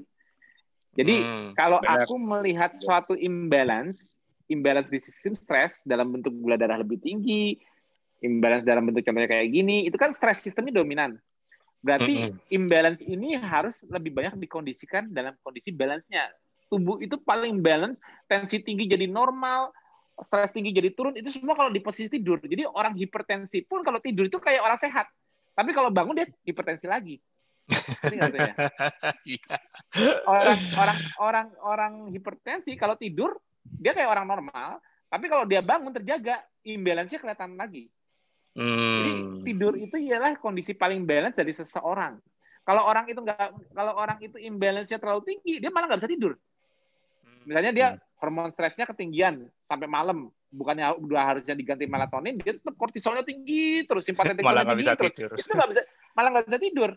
Nah itu udah udah udah udah udah kayak domino efek nanti. Nah justru kenapa aku ngajak orang yuk risetnya lebih banyak kenapa? Karena apa yang imbalance sebelumnya hmm. tubuh itu tubuh gini loh jadi kalau tubuh kita masuk REM sleep dia itu nyari balance-nya dari sistem simpatetik, balance-nya dari balance dari sistem HPA axis, semua tuh dicari balance gangguannya di mana. Jadi jadi hmm. kenapa orang sakit itu biasanya banyak tidur? Kenapa? Karena dia berusaha lagi berusaha ngebalance. Nah, hmm. kalau ini kan Mas kan belum menyadari, belum sampai benar-benar sakit sekarang ini. Tapi kalau ya. saranku ya. begitu tahu jangan sampai sakit lah. Jangan sampai. setuju, setuju. Tadi aku Mas aku coba, tadi dikasih clue sama Mas Artono, Mas Anton. Jadi. Untuk menurunkan karena tadi juga Mas Anton juga bertanya cara menurunkan kalium yang tinggi gimana. Ya. Nah, berarti itu kan yang beredar di darah yang terdeteksi. Jadi uh, supaya tidak banyak beredar harus masuk ke dalam sel. Nah, tadi ada disebutin tuh kombinasi GI. Kalau di KF kombinasinya cuma I ya. Glukosanya sih boleh-boleh aja kalau kalau tapi kembali itu pilihan. Cuman ya Mas Tio tadi di awal udah jelasin bahwa lonjakan insulin yang tiba-tiba itu juga ada efeknya juga. Nah, di KF kalau kalau pakai kombinasi I-nya aja itu berarti puasanya nggak boleh panjang, Mas. Ya. Nah, jadi untuk membantu supaya bisa mudah tidur, ya udah puasanya dipendekin. Kalau perlu nggak puasa dulu nggak apa-apa. Anggap aja kayak libur KF dulu deh. libur KF Jadi, tapi sering makan. Makan. makan tidur dulu makan kenyang, tidur. Jadi nggak jadi, pengen jadi, makan uh, kalau di KF ini ya. Oh enggak enggak pengen. Enggak, enggak, tapi Mas kalau nggak makan tidurnya kan susah, Mas. Iya, susah. Gimana mau tidur kalau nggak makan? Kan kan gini Saya kalau WF kemarin tuh sempat WF, cuman tidurnya oh, enak aja sih. Oke, okay. sobat WA berarti. Udah, kawan, udah selesai. Udah. Sobat WA. Udah, pokoknya riset aja dari riset sekarang udah yang udah yang yang udah udah enggak usah dibahas lagi. Udah, ya, Jadi, tapi Mas Anton, tapi Mas Anton sempat sempat ini ya, maksudku pernah mengalami momen kalau pas bisa makan banyak habis itu ngantuk berat ya? Pernah, pernah. Nah, itu yang dicari, Mas. Gunakan. Itu yang dicari. Gak apa-apa, Mas gini aja, Mas walaupun nah. lapar makan aja jam 12 karena karena kita mau program nih, baru mau program ngeriset. Hmm. Ya, kalau Mas kalau gini, kalau kalau Mas ngikutin Mas merasa seger terus, Mas nggak bakal ngeriset ngeriset. Nggak bakal ngeriset ngeriset ngikutin terus. Malah, ah enakan panjang terus gini karena Mas karena Mas nggak di, sinyalnya nggak didengerin, itu yang nggak boleh. Iya. Nah, jadi jadi mendingan hmm. mendingan Mas off dulu walaupun Mas masih bisa merasa fit, Mas off dulu. Iya, yeah, off dulu. Mas gini aja. Uh, uh, uh, kalau kalau Mas pagi itu oke okay deh nggak usah pagi. Jam 12 buka, makan kenyang, tidur. Nah, sampai asar, bangun lagi, relax dulu. Coba aku pengen 3 4 hari, Mas tuh jangan banyak aktivitas. 3 4 hari relax. Terus udah begitu begitu asar bangun, mas aktivitas yang kecil-kecil aja, maghrib, anggap aja mati lampu PLN. Kok jadi lampu yang nyala itu cuma oh PLN mati lampu. Kalau PLN mati lampu kan biasanya Tidur. orang kan nyalain lilin. ya, cuma nyalain lilin. Ya, ada orang sih yang nunggu lilin sampai malam itu ngeri itu orangnya. Nah, tapi ada pasti ada Wiritan. kalau tapi kalau kalau orang cuma modal lilin, itu pasti nggak akan nongkrongin lilin. Kalau di masa lalu orang orang bakar api unggun, bakal makanan mereka makan terus tidur. Nah, kondisinya Mas kalau udah maghrib itu usahakan tuh anggap aja mati lampu listrik. Jadi Mas nggak bisa nonton TV, Mas nggak hmm. bisa ngecas handphone, Mas nggak bisa apa. Jadi anggap aja kayak mati lampu PLN. Orang mati lampu PLN itu, aduh ngapain sih malam-malam udah tidur lah. Akhirnya habis isa tidur misalnya. Hmm. Nah udah lelap. Jadi jadi jadi untuk nge-guide seseorang tidur mudah itu ialah kalau secara secara nature-nya mata kita itu ya mata kita itu itu memberikan dari retina itu memberikan input cahaya terang dan terang dan gelap. Jadi kalau kita anggapnya di hutan maghrib itu semua semua itu udah gelap. Jadi kalau kalau kita masih hidup di hutan mati lampu total oleh alam. Kalau malam PLN hemat listrik aja. Kalau siang PLN nyalain lagi matahari keluar. Malam hemat listrik. Jadi kalau kita mau nggak mau terlalu gelap ya kita bakar api. Paling gitu. Nah, tapi tapi kondisi tidak terlalu terang ini yang mengguidance kortisol makin turun. Jadi kalau masih di kondisi yang di kondisi yang agak nggak terlalu terang, nggak terlalu nggak, terlalu silau, nggak terlalu silau, apa nggak ada cahaya yang terlalu itu semuanya sifatnya dim, maksudnya bisa gini, mas gak, jangan banyak nyalain lampu dikit-dikit aja, jadi kayak suasananya masih agak gelap, cuma nyampu nyalanya cuma sana sini. Nah itu remang sebetulnya ya? juga termasuk ah, remang-remang, uh, ya. Tapi remang-remang ya, bukan ke remang-remang lain. Jadi membuat tawa lagi. jadi jadi jadi uh, uh, remang-remang itu membuat mengguidance kita untuk stresnya turun itu udah pasti. Jadi jadi percaya nggak cahaya terang menyilaukan itu sebetulnya input stres loh. Nah tapi kalau kita hmm. bisa membuat cahaya dim itu kita dibuat lebih rileks. Jadi co, so, co, apa maksudnya cahayanya lebih apa ya namanya aku nggak ngerti bahasa Indonesia mas. Apa ya kalau yang redup-redup gitu ya? Itu membuat remang-remang mas. Iya memang remang-remang. mas tapi remang-remang nanti negatif lagi dia ketawa. Jadi gak enak mau remang-remang. Jadi remang-remang itu jujur itu membuat rileks membuat hmm. rileks membuat yeah. santai. Terus nanti kita membuat itu apa eh, melatoninnya gampang naik. Kalau melatonin gampang naik itu kita masuk REM-nya gampang nanti. Jadi jadi kalau secara fisiologinya input cahaya yang mulai gelap gelap gelap gelap gelap gelap walaupun nggak gelap total ya walaupun nggak gelap total itu inputnya ke supramastic supramastic nucleus SCN itu itu dia men-trigger namanya ada namanya pineal gland. Nanti pineal gland ini yang fungsinya mensekresikan melatonin itu keluarnya kayak Nah, jadi, jadi kita kayak nah, jadi jadi kondi makanya aku bilang tadi aku aku share di grup tele juga tadi kondisi fasting and exercise itu stres. Kondisi yang menuju recovery adalah kondisi relax, eating, resting, sleeping. Hmm. Jadi hmm. makannya udah memicu relaxnya duluan. Biasanya heart rate hmm. turun. Nah, hmm. kondisi penggelap, menggelap, arah gelap itu juga merilekskan juga. Kondisi tidur, hmm. wah super duper relax. Karena apa? Karena saat tidur semua input sensori kita mulai dari kulit, mulai dari telinga, dari mata. Kita nutup mata gini udah tidur nih. Kuping yang tadinya ngasih input, mulut, lidah pun ngasih input. semuanya ini diabsenin, tak balance. Jadi otak itu nggak punya kewajiban membalance input dari kup dari telinga, nggak nggak perlu membalance input dari retina, nggak perlu membalance input dari hidung, lidah, apa nggak mau ada bau menyengat pun juga tidur aja. Nah, di situlah otak paling mudah membalance kembali. Apa yang tidak hmm. balance itu kuncinya kuncinya semakin kita lama di REM-nya itu kita membuat kita balancing yang tidak balance itu sangat mudah. Itulah rahasia dari tidur yang luar biasa. Itu kayak gitu. REM sleep-nya kita dapat kalau tepat waktu. Kenapa? Karena kesehatan seseorang itu sebetulnya stres resistansi dia. Pada saat hmm. kita melek, kita menerima stres sebetulnya, nggak bohong.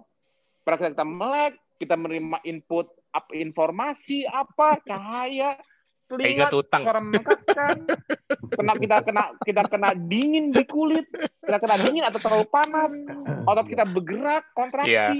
Iya. enggak itu semua input yeah. stres aku nggak bohong hmm. Iya, itu, betul. Jadi, itu, jadi, jadi semakin tinggi stress resistance kita, semakin kita gampang memberikan input ini tanpa terlihat imbalance-nya di mana. Kita, jadi sepanjang kita terjaga ini, kita kerja otak itu kerjanya membalance semua input, mengkoordinasikan.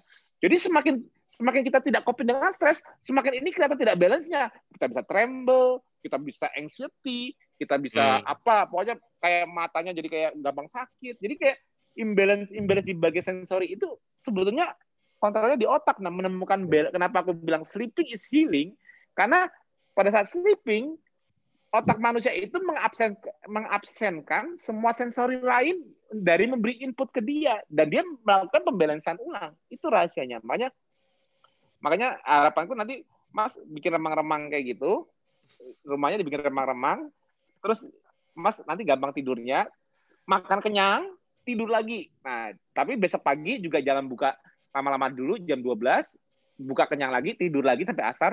Nah, ya memang sih aku nggak tahu urusan duniawinya, tapi kalau bisa disempatkan 3-4 hari kayak gini. Oh, hmm. nanti kalau udah fit, udah kayak heart rate-nya udah turun, apa udah udah enak, Nah, baru Mas, oke okay deh, nggak usah gak, makan siangnya nggak usah banyak-banyak, dikit aja biar nggak biar nggak asal asal rileks aja, tapi nggak usah sampai kekenyangan terus ngantuk nggak. Jadi kalau memang ada aktivitas ya makannya cuma asal dapat tok, nah atau misalnya Mas biasa udah biasa buka jam 2 3 ya nggak apa-apa juga, tapi pastikan rileks. Nah, jadi Mas hmm. nemuin nemuin nol risetnya di mana dulu, jalan lagi.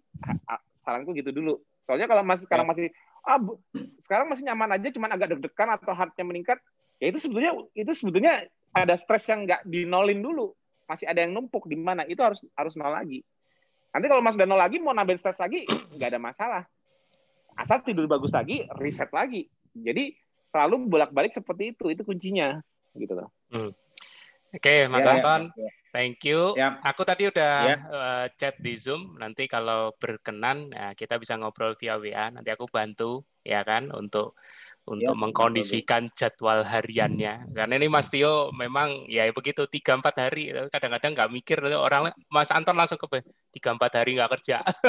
Stres langsung Mas. Ya ya, ya aku, aku susahnya saya akhirnya yeah. ya, pokoknya dicari tempatkan dulu ya tegak itu sebenarnya tergantung severity sih.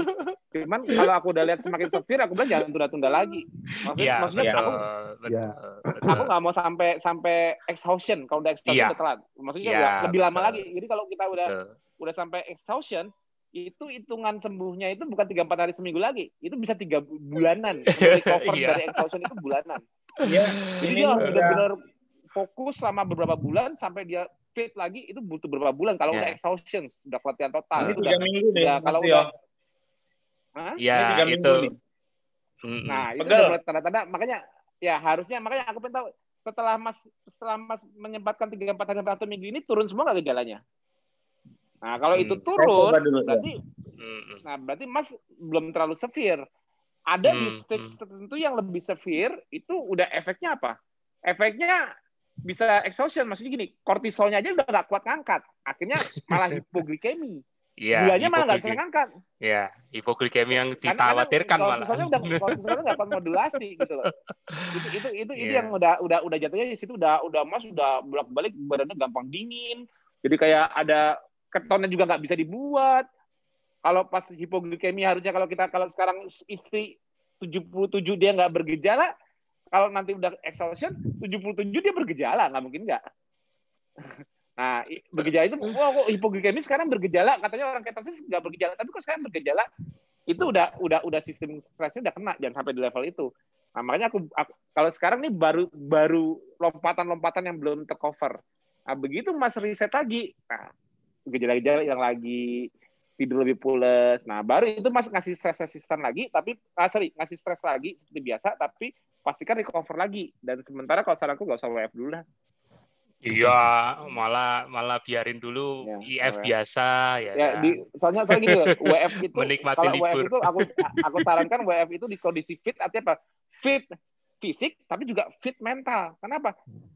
Aku malah agak deg-degan kalau orang WF dalam kondisi stres tinggi, pikirannya banyak gitu. Itu itu nggak bagus. Kenapa?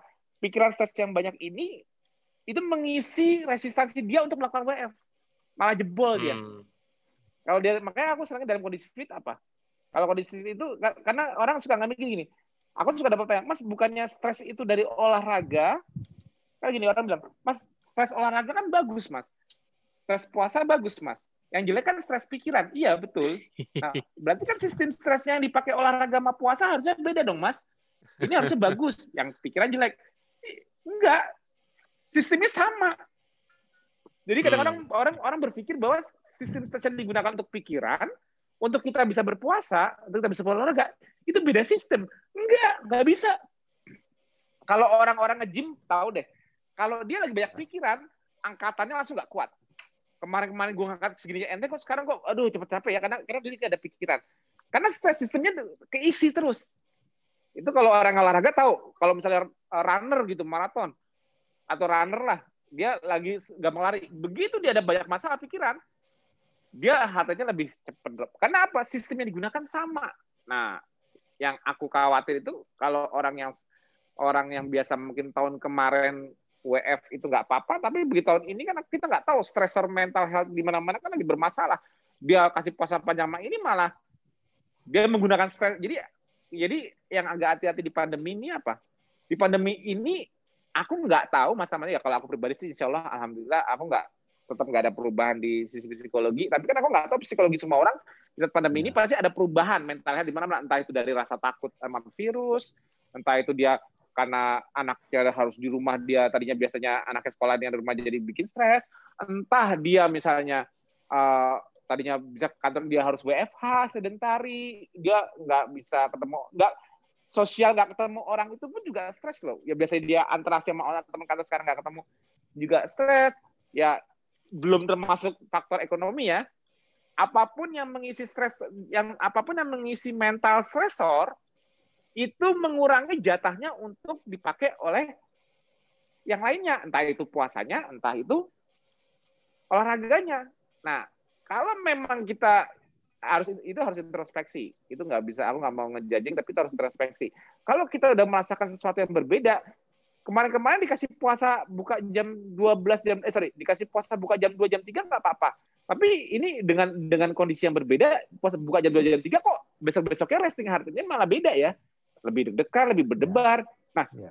berarti ada apa yang membedakan puasa dengan pola yang sama atau olah gini. Aku biasa gini, misalnya gini, aku punya pola nih. Aku setiap hari buka jam 3 misalnya. Dan aku setiap pagi selalu nge-gym dengan dosis nilainya 10 ya. Hmm. Ini nggak pernah ada masalah dan ini nyaman. Tapi begitu pandemi hati-hati. Hmm. Itu jalan tapi kok tapi kok racing heart rate beda. Terus makin kalau udah mulai akumulasi kok tidurku jadi susah. Nah, kalau tidur susah itu kan berarti kan kortisol nggak benar-benar turun di sore hari, bisa sampai ke malam. Makanya tidur juga udah mulai susah. Benar nggak? Nah, itu udah hmm. udah mulai ada yang nggak beres itu. Berarti dosis yang sama kok bisa memberikan stres berlebih ya belum tentu belum tentu dari puasanya belum tentu dari dari apanya apa namanya dari dosis olahraganya nggak dirubah-rubah misalnya atau puasanya juga nggak dirubah-rubah tapi ada something yang mengisi kapasitas stresnya nah itu harus koreksi sendiri apakah mental stresnya lebih tinggi apa nah itu begitu kita bisa mengidentifikasi itu dan yang paling sulit kan memang membereskan mental stres apa pun stresornya stresor kita dari pekerjaan stresor ekonomi stresor kita hmm. dari anak-anak di rumah itu kan itu kan sesuatu yang yang begini loh.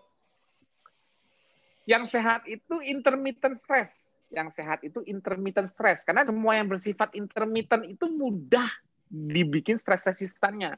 Olahraga intermittent, puasa intermittent, stresnya ini bisa jadi stress resistan, sehat. Yang nggak bagus itu suatu stres yang kontinu. Wah, ini nggak bagus. Kenapa? Tubuh gak berhenti, gimana cara mau rebalance-nya? Gimana dia mau bikin resisten? Gimana gini? Ini yang aku aku tunjukin gini, ya. Mas pengen gedein otot, bicep, ambil nah. ambil ambil dumbbell ini. Nah, gini kan? Terus. tapi mas kan nggak lama-lama pegel berhenti kan? Oke. Okay. ya. Intermittent berhenti dulu intermittent. Ada ada juga hmm. nanti kalau masih ada kuat nyangkat lagi. Nah abis itu nanti mas makan masuk protein. Ini baru masuk protein ya nggak bakal dipasang dulu. Terus mas tidur dipasangin. Nah sesuatu yang intermittent bisa bisa direcoverykan menjadi stres resistansi baru. Ototnya nambah besok angkat angkat dumbbell yang sama ini lebih enteng. Lebih enteng. Stresnya pemberian stresnya sama, beban sama, stres sama, tapi kita merasakannya lebih enteng artinya apa? Resistansi kita meningkat. Sama seperti, oh dulu sebelum KF aku nggak kuat puasa, kelingan apa-apa. Itu puasa itu stres. Kalau aku puasa aku tegang, aku kurang makan aku tegang, itu stres. Tapi begitu KF, tak, wow otak kena lemak, ya kok enteng ya. Nah sebetulnya sih stresnya sama, sama-sama nggak makan, sama stresnya. Tapi hmm. karena kita udah kenal kenal otak kenal lemak, resistansi Resis. kita yang lebar ini hmm. membuat kita tidak merasakan stresnya sama. Karena ototnya ditambah, itu bentuk hasil dari suatu resistansi dari masuk protein, makanan, tidur dibentuk. Nah, itu resistansinya ya. Harapan kita semua usaha kita lewat puasa, usaha kita lewat olahraga, dijadikan resistansi. Sehingga puasa dan olahraga ini makin mudah tiap hari. Makin hari makin enteng bebannya. Akhirnya aku nambah beban lagi deh. Udah keentengan banget. Karena udah tinggi banget resistannya. Harapannya kan seperti itu. Hmm. Itu karena diberinya itu secara intermittent. Coba ya. bayangkan kalau Mas gini ya. Angkat terus. Jangan berhenti. terus continue. Jangan berhenti.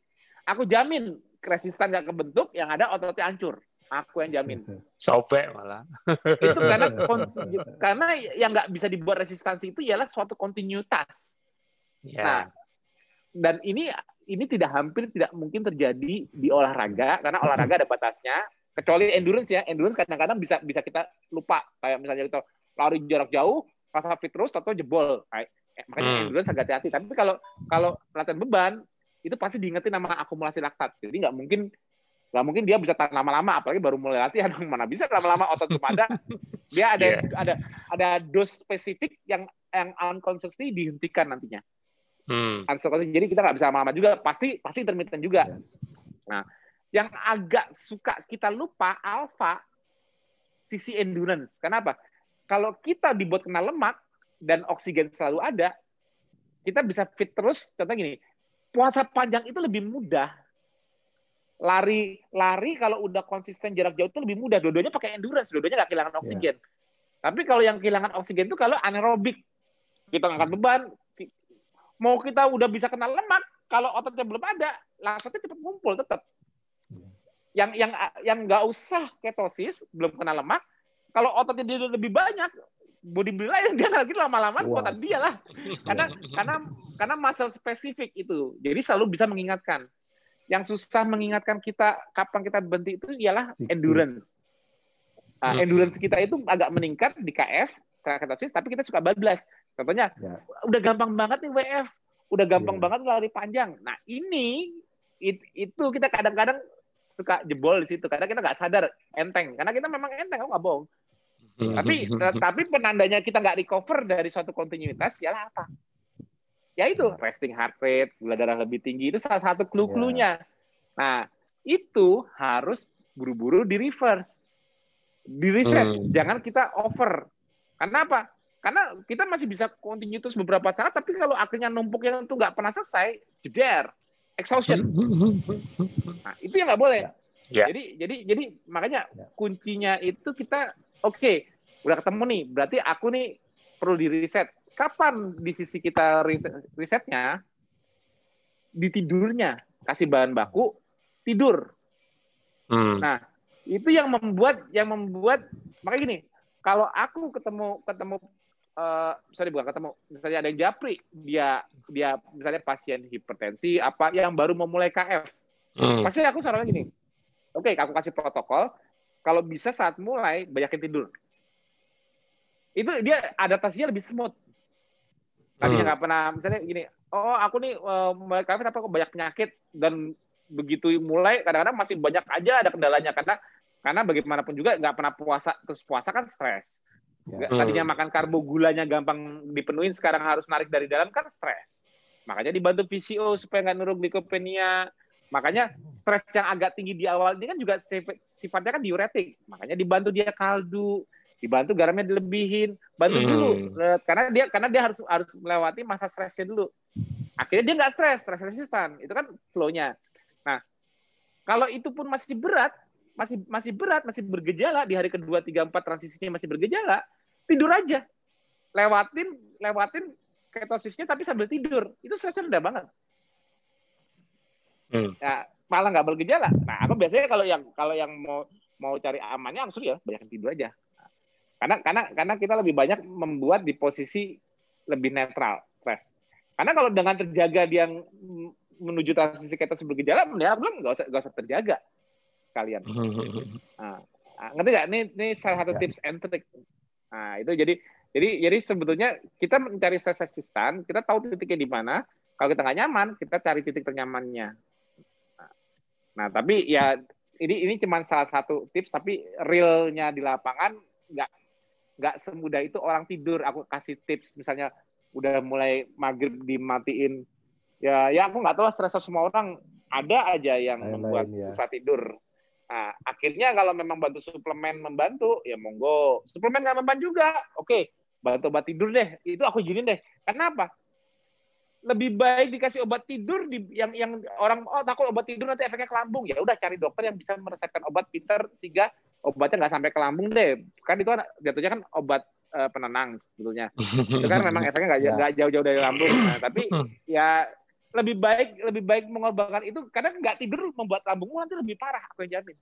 Ya betul. Ya. nggak mendingan dia kali daripada nggak sama sekali. Kalau memang ada sesuatu yang benar-benar membuat dia nggak bisa tidur mendingan aku lebih setuju aku lebih setuju. Nih contoh nih. Mungkin Mas Artono pernah lihat nih. Ya Mas pernah Mas Artono ya. pernah lihat nggak orang datang dengan jantung yang udah badannya bengkak-bengkak?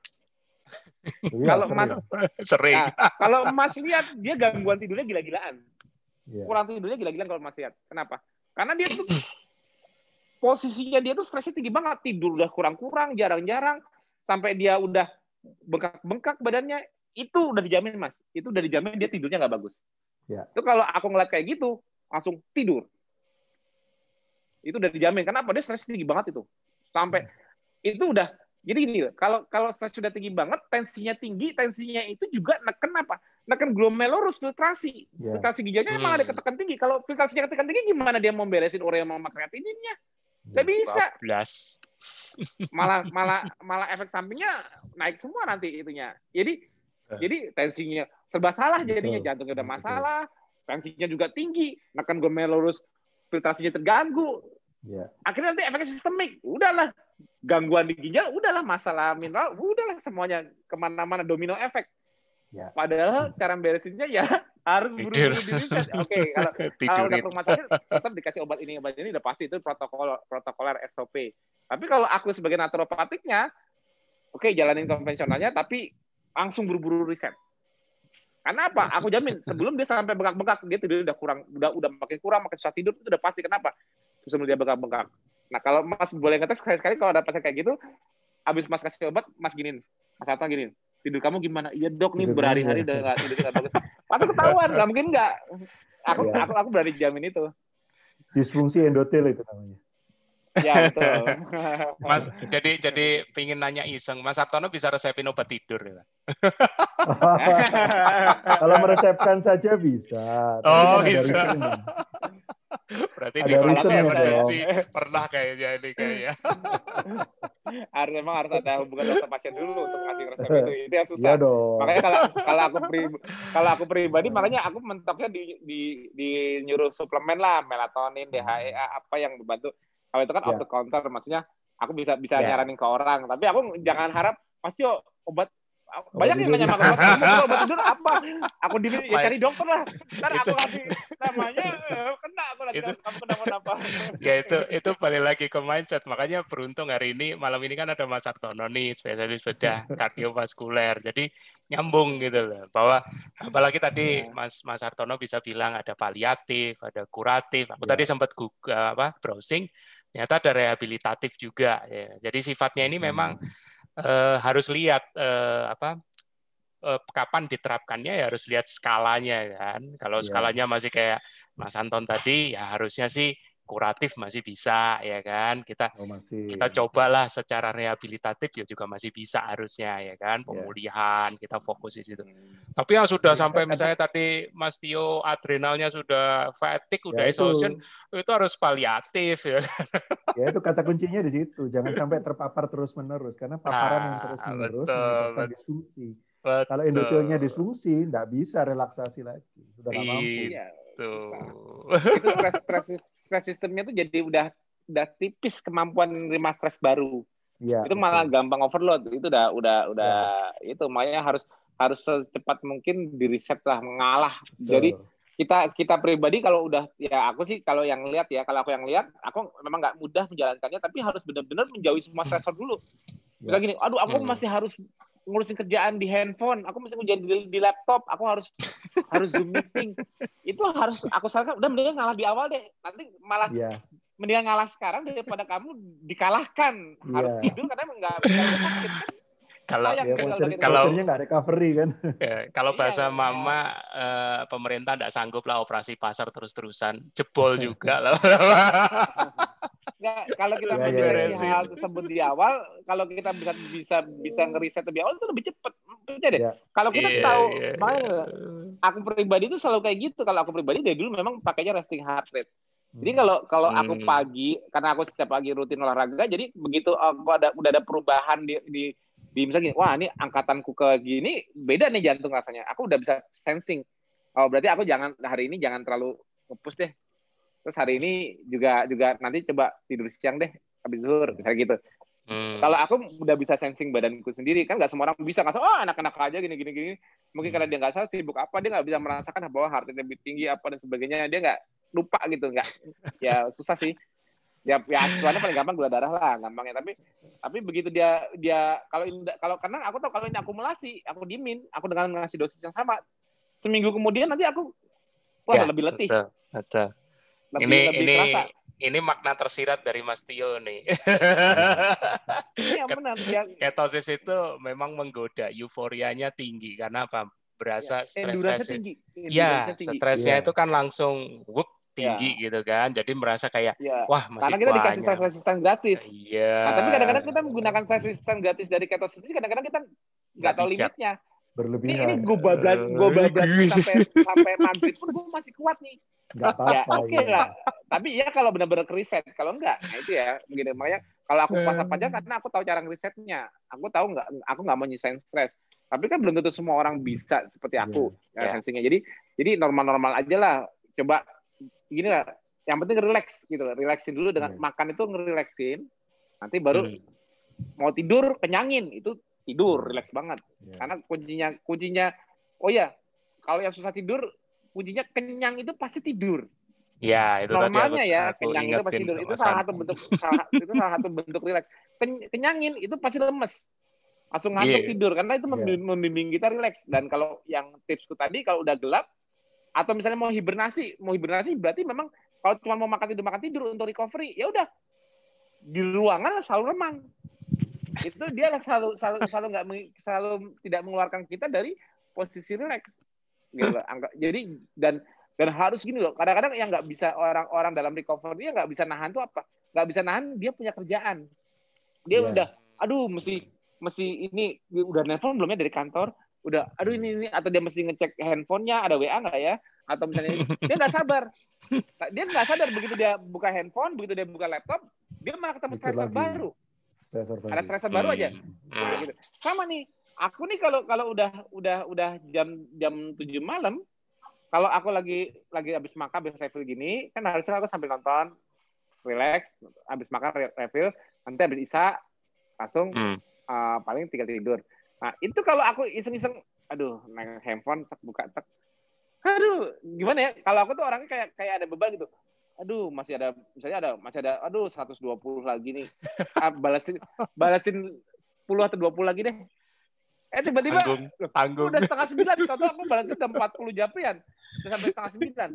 Walau percaya deh. Aku tuh kalau kalau japri kalau masa japrian kalau aku kalau aku tuh gak tahan untuk balesin tapi kalau aku hmm. ngikutin aku yang kalah makanya aku bilang kan yang aku bilang kemarin itu aku sempat pakai sampai sempat pakai kacamata karena mataku yang kalah kan Iya. Akhirnya aku sempat pakai kacamata kan waktu itu kan yeah. tahun-tahun 2018 aku sering pakai kacamata itu karena mataku kalah kan.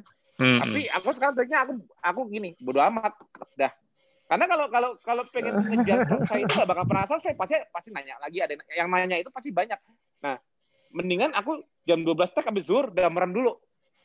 Hmm. Dulu, udah sampai jam satu setengah dua tak melek lagi aku rutin kayak gitu aja napping. Aku setiap siang napping sekarang karena aku mataku baru sekejapin. Aku sekarang napping kalau siang 12 sampai jam 2 lah, mudah-mudahan ada hmm. dua. Hmm. Itu langsung aku nggak pakai kacamata lagi sampai sekarang.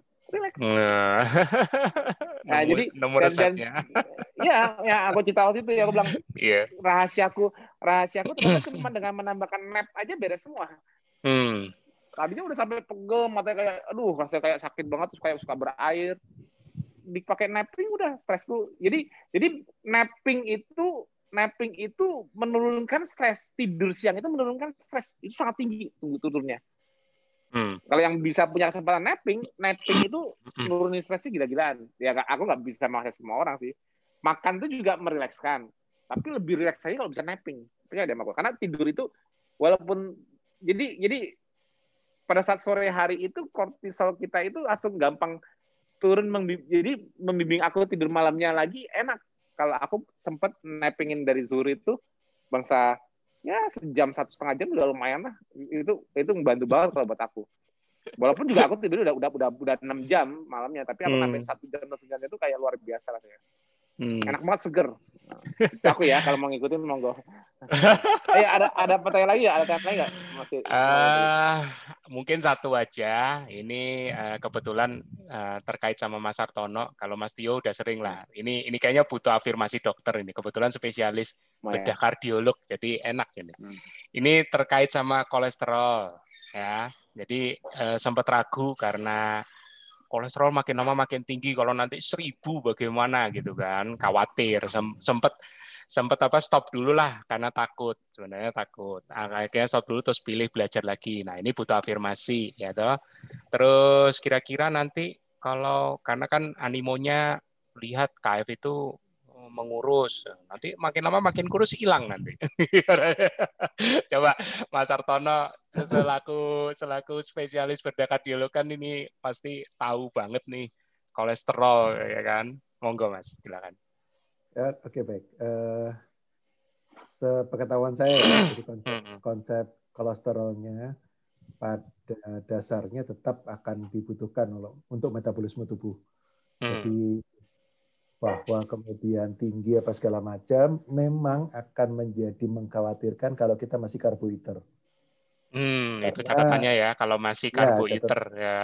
Ya, karena karena kompleks bahan bakar yang kita pakai kan dua macam jadinya nanti. Hmm. Di mana gulanya sendiri nanti di dalam satu proses kalau tidak habis dimanfaatkan dia akan disimpan dalam bentuk lemak dan hmm. bentuk lemaknya itu pasti akan membentuk kolesterol yang akhirnya makin lama kolesterol kolesterol jahatnya yang yang LDL misalnya hmm. itu akan akhirnya tertimbun tertimbunnya di submukosa dari pembuluh darah yang dikenal sebagai proses aterosklerosis. Plak itu Jadi ya, timbulnya, ya. Hmm. nah, timbulnya ateroma itu yang kemudian akhirnya membuat uh, kita mengkhawatirkan keadaan uh, hiperkolesteroleminya. Hmm. Tetapi yang dimasalahkan di sini adalah konsep dislipideminya. Jadi dis itu uh, lipid emi yang salah ya. Kan dis itu hmm. artinya kan tidak sesuai. Hmm. Ya, jadi konsep dislipideminya itu yang mesti dicermati. Jadi konsep konsep bagaimana kita bisa menyeimbangkan HDL yang lebih tinggi dengan beraktivitas, LDL dibuat sedemikian rupa sehingga cukup rendah, tetapi masih cukup untuk menjadi bahan bakar keton. Pada saat yang sama, trigliseridnya dibuat seminimal mungkin. Serendah Jadi, mungkin, nah itu kata kunci. Serendah mungkin. Jadi konsep, konsep itu yang menyebabkan lipidnya menjadi lipid yang normal di dalam darah. Jadi nggak usah khawatir tentang lipidnya itu sendiri. Karena bahan bakar kita di konsep ketofastosis, keto dengan intermittent fasting, itu konsepnya adalah kita memanfaatkan kolesterol itu untuk hmm. bahan bakar kita, untuk apa namanya, eh, membuat hormon apa segala macam tetap tetap akan dibutuhkan. Hmm. Pasti. Kan kan kan dipakai buat adrenal gland segala. Adrenal yes. kan butuh bikin kortisol, bikin iya. androgens, bikin estrogen, progesteron itu kan kolesterol semua yang butuh yang dibutuhkan iya. apa? Belum perbaikan membran sel. Oh ya, bagus tadi yang dibilang Mas memperjelasnya itu gini. Karena banyak orang berpikir gini, Mas. Kolesterol itu berpikir itu kolesterol itu di darah, terus pada nempel-nempel mm -hmm. di pembuluh darah. Ini yang mm-hmm. udah orang yang bukan pembuluh darah ya, orang yang bukan yeah. pembuluh darah bilangnya submukosa. Sub, sub itu artinya sub, di balik mukosa, sub inti. bukan yeah. di iya. atasnya. Jadi jadi jadi yeah. bayangin jangan pembuluh darah itu kolesterolnya itu di luar. Di sub, di sub. Nah, bukan membentuk jadi, aterom jadi, dia. Ya, jadi dia hmm. membentuk arterom tapi sub ya. Jadi orang tuh orang awam itu ngebayangin gini Mas, kita makan kolesterol, makan Jadi lemak kolesterol di darah itu kayak kayak kayak di di bayangin itu kayak di wastafel pipa wastafel ya. pipa. Itu yang membuat mereka takut bukan. kalau kolesterol saya tinggi 400 itu nanti nempel di mana-mana nggak ya? Itu ini buat mereka jadi kayak parno. Padahal padahal yang terjadi ialah arteroma yang terbentuk itu karena pengumpulan di submukosa. Jadi kalau mau yes. nanya kenapa itu masuk ke dalam submukosa Nah, Pertanyaannya di situ.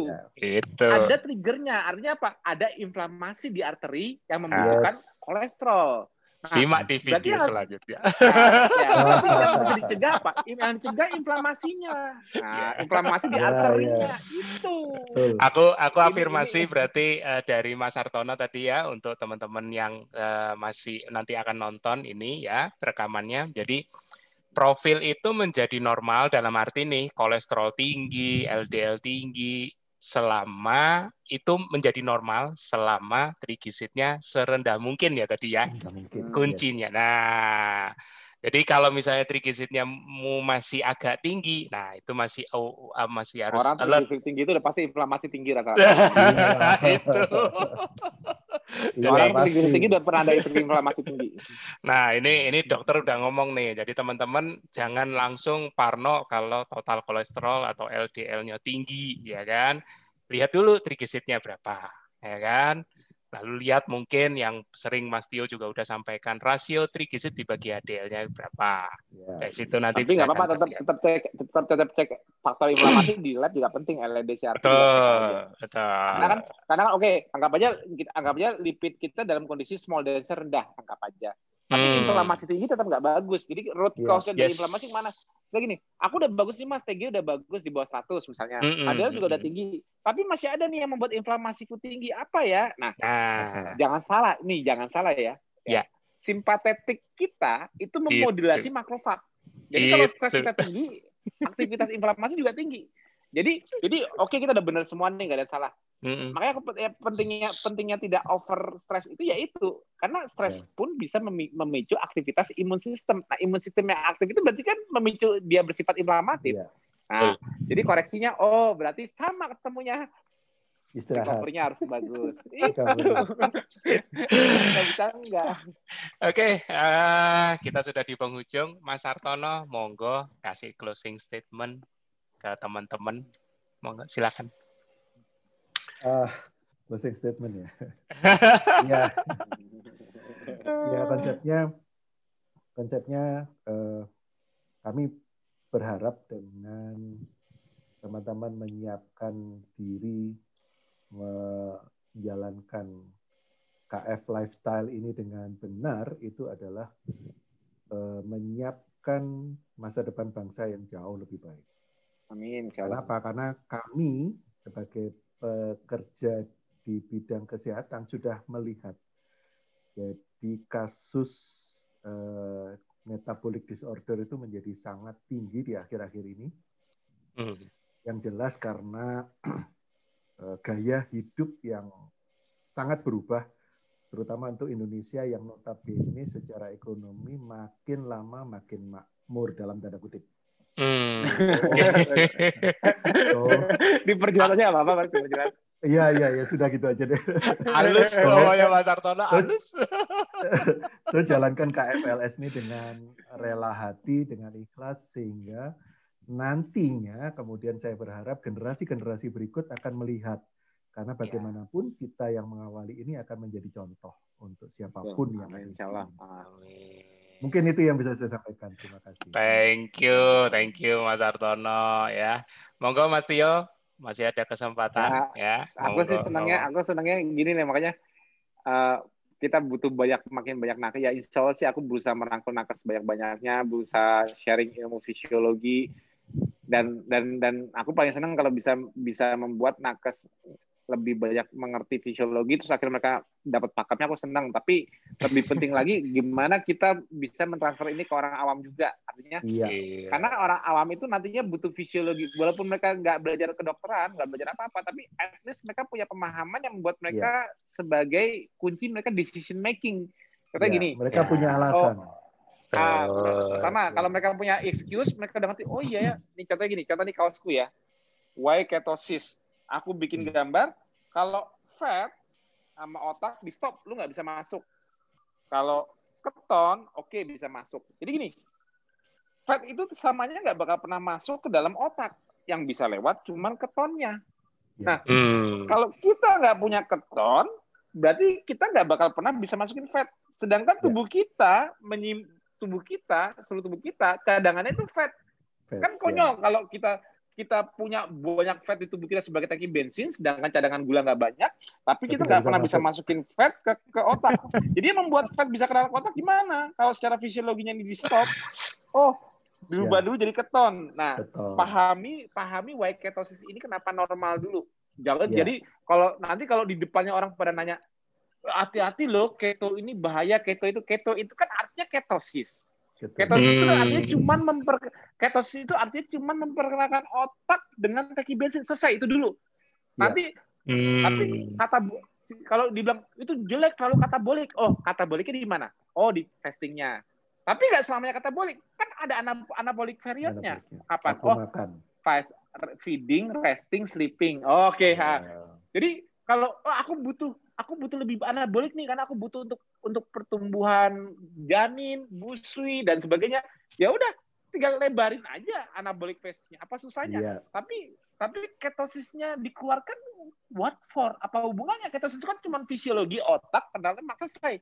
Jadi mm -hmm. jadi konsep basicnya kalau ini udah paham banget bahwa bahwa why ketosisnya ini merupakan suatu apa ya sistem di tubuh kita secara iya. engineering bahwa ya lucu kalau otak kalau kalau keto ketosis keton itu dianggap jelek lucu kenapa kenapa artinya otak nggak pernah boleh kenal kaki bensin itu suatu hal yang lucu masalah yeah. masalah mau yeah. mau diferensi di di apa mau deviasinya mau digedein di katabolik anabolik state itu cuma permainan jendelanya doang nah itu hmm. itu itu itu paham dulu yeah. kalau itu udah paham nggak bakal mempan dibilang keto jelek sampai kapan apa apa okay. keto jelek? Keto kan yeah. keto ketosis kan memperkenalkan memperkenalkan lemak dengan otak selesai.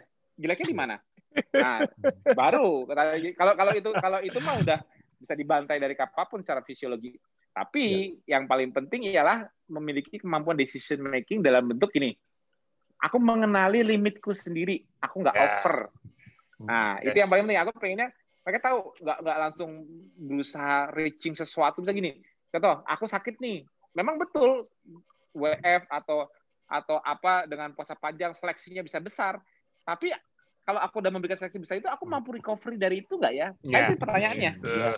Karena aku baru menciptakan seleksinya, tapi sehatnya setelah recovery. Recovery-nya aku sanggup nggak? Nah itu jadi jadi recovery-nya diperhatikan karena hasil sehatnya itu setelah recovery, bukan sebelumnya. Sebelumnya itu baru usaha. Kamu, hmm. aku mau lebih sehat, aku olahraga. Aku mau lebih sehat, aku puasa. Itu nggak bohong. Orang orang yang tidak menambah stres di tubuhnya tidak akan lebih sehat dari dari sebelumnya gini. Aku ya. punya kesehatan 100. Aku nggak mau nambahin stres apa-apa. Aku nggak mau dengan 100 ini aku nggak mau puasa, aku nggak mau olahraga. Nggak mau rugi. Makin lama, makin lama stres stres itu bukan 100, turun terus. Cuma tinggal yeah. 50. Kenapa? Karena karena selalu relax terus, makan terus. Yeah. Nah, nah, aku pengen yang dengan 100 ini besok aku punya stress resistance 110. Sebulan lagi 120. Sebulan 130. berarti aku makin sehat. Nah, stress resistanku itu harus dibentuk dengan aku memberi stres, puasa dan olahraga misalnya. Hmm. Stres ini yeah. jadi 110, 120, 130 itu kapan? Setelah masuk bahan baku, setelah tidur dipasangin. Hmm. Nah, itu jadi jadi yeah. oh alhamdulillah aku dapat 110 kenapa? Kemarin aku dari cover. Itu konsep. Jadi iya. konsepnya kadang-kadang orang suka kebalik-balik. Wah, makin panjang makin bagus. Betul, seleksinya makin besar damage-nya yang damage dari yang jelek-jelek makin kelihatan. Entah tumornya makin hancur apa-apa. Recovery gimana? Nah hmm. itu pertanyaannya.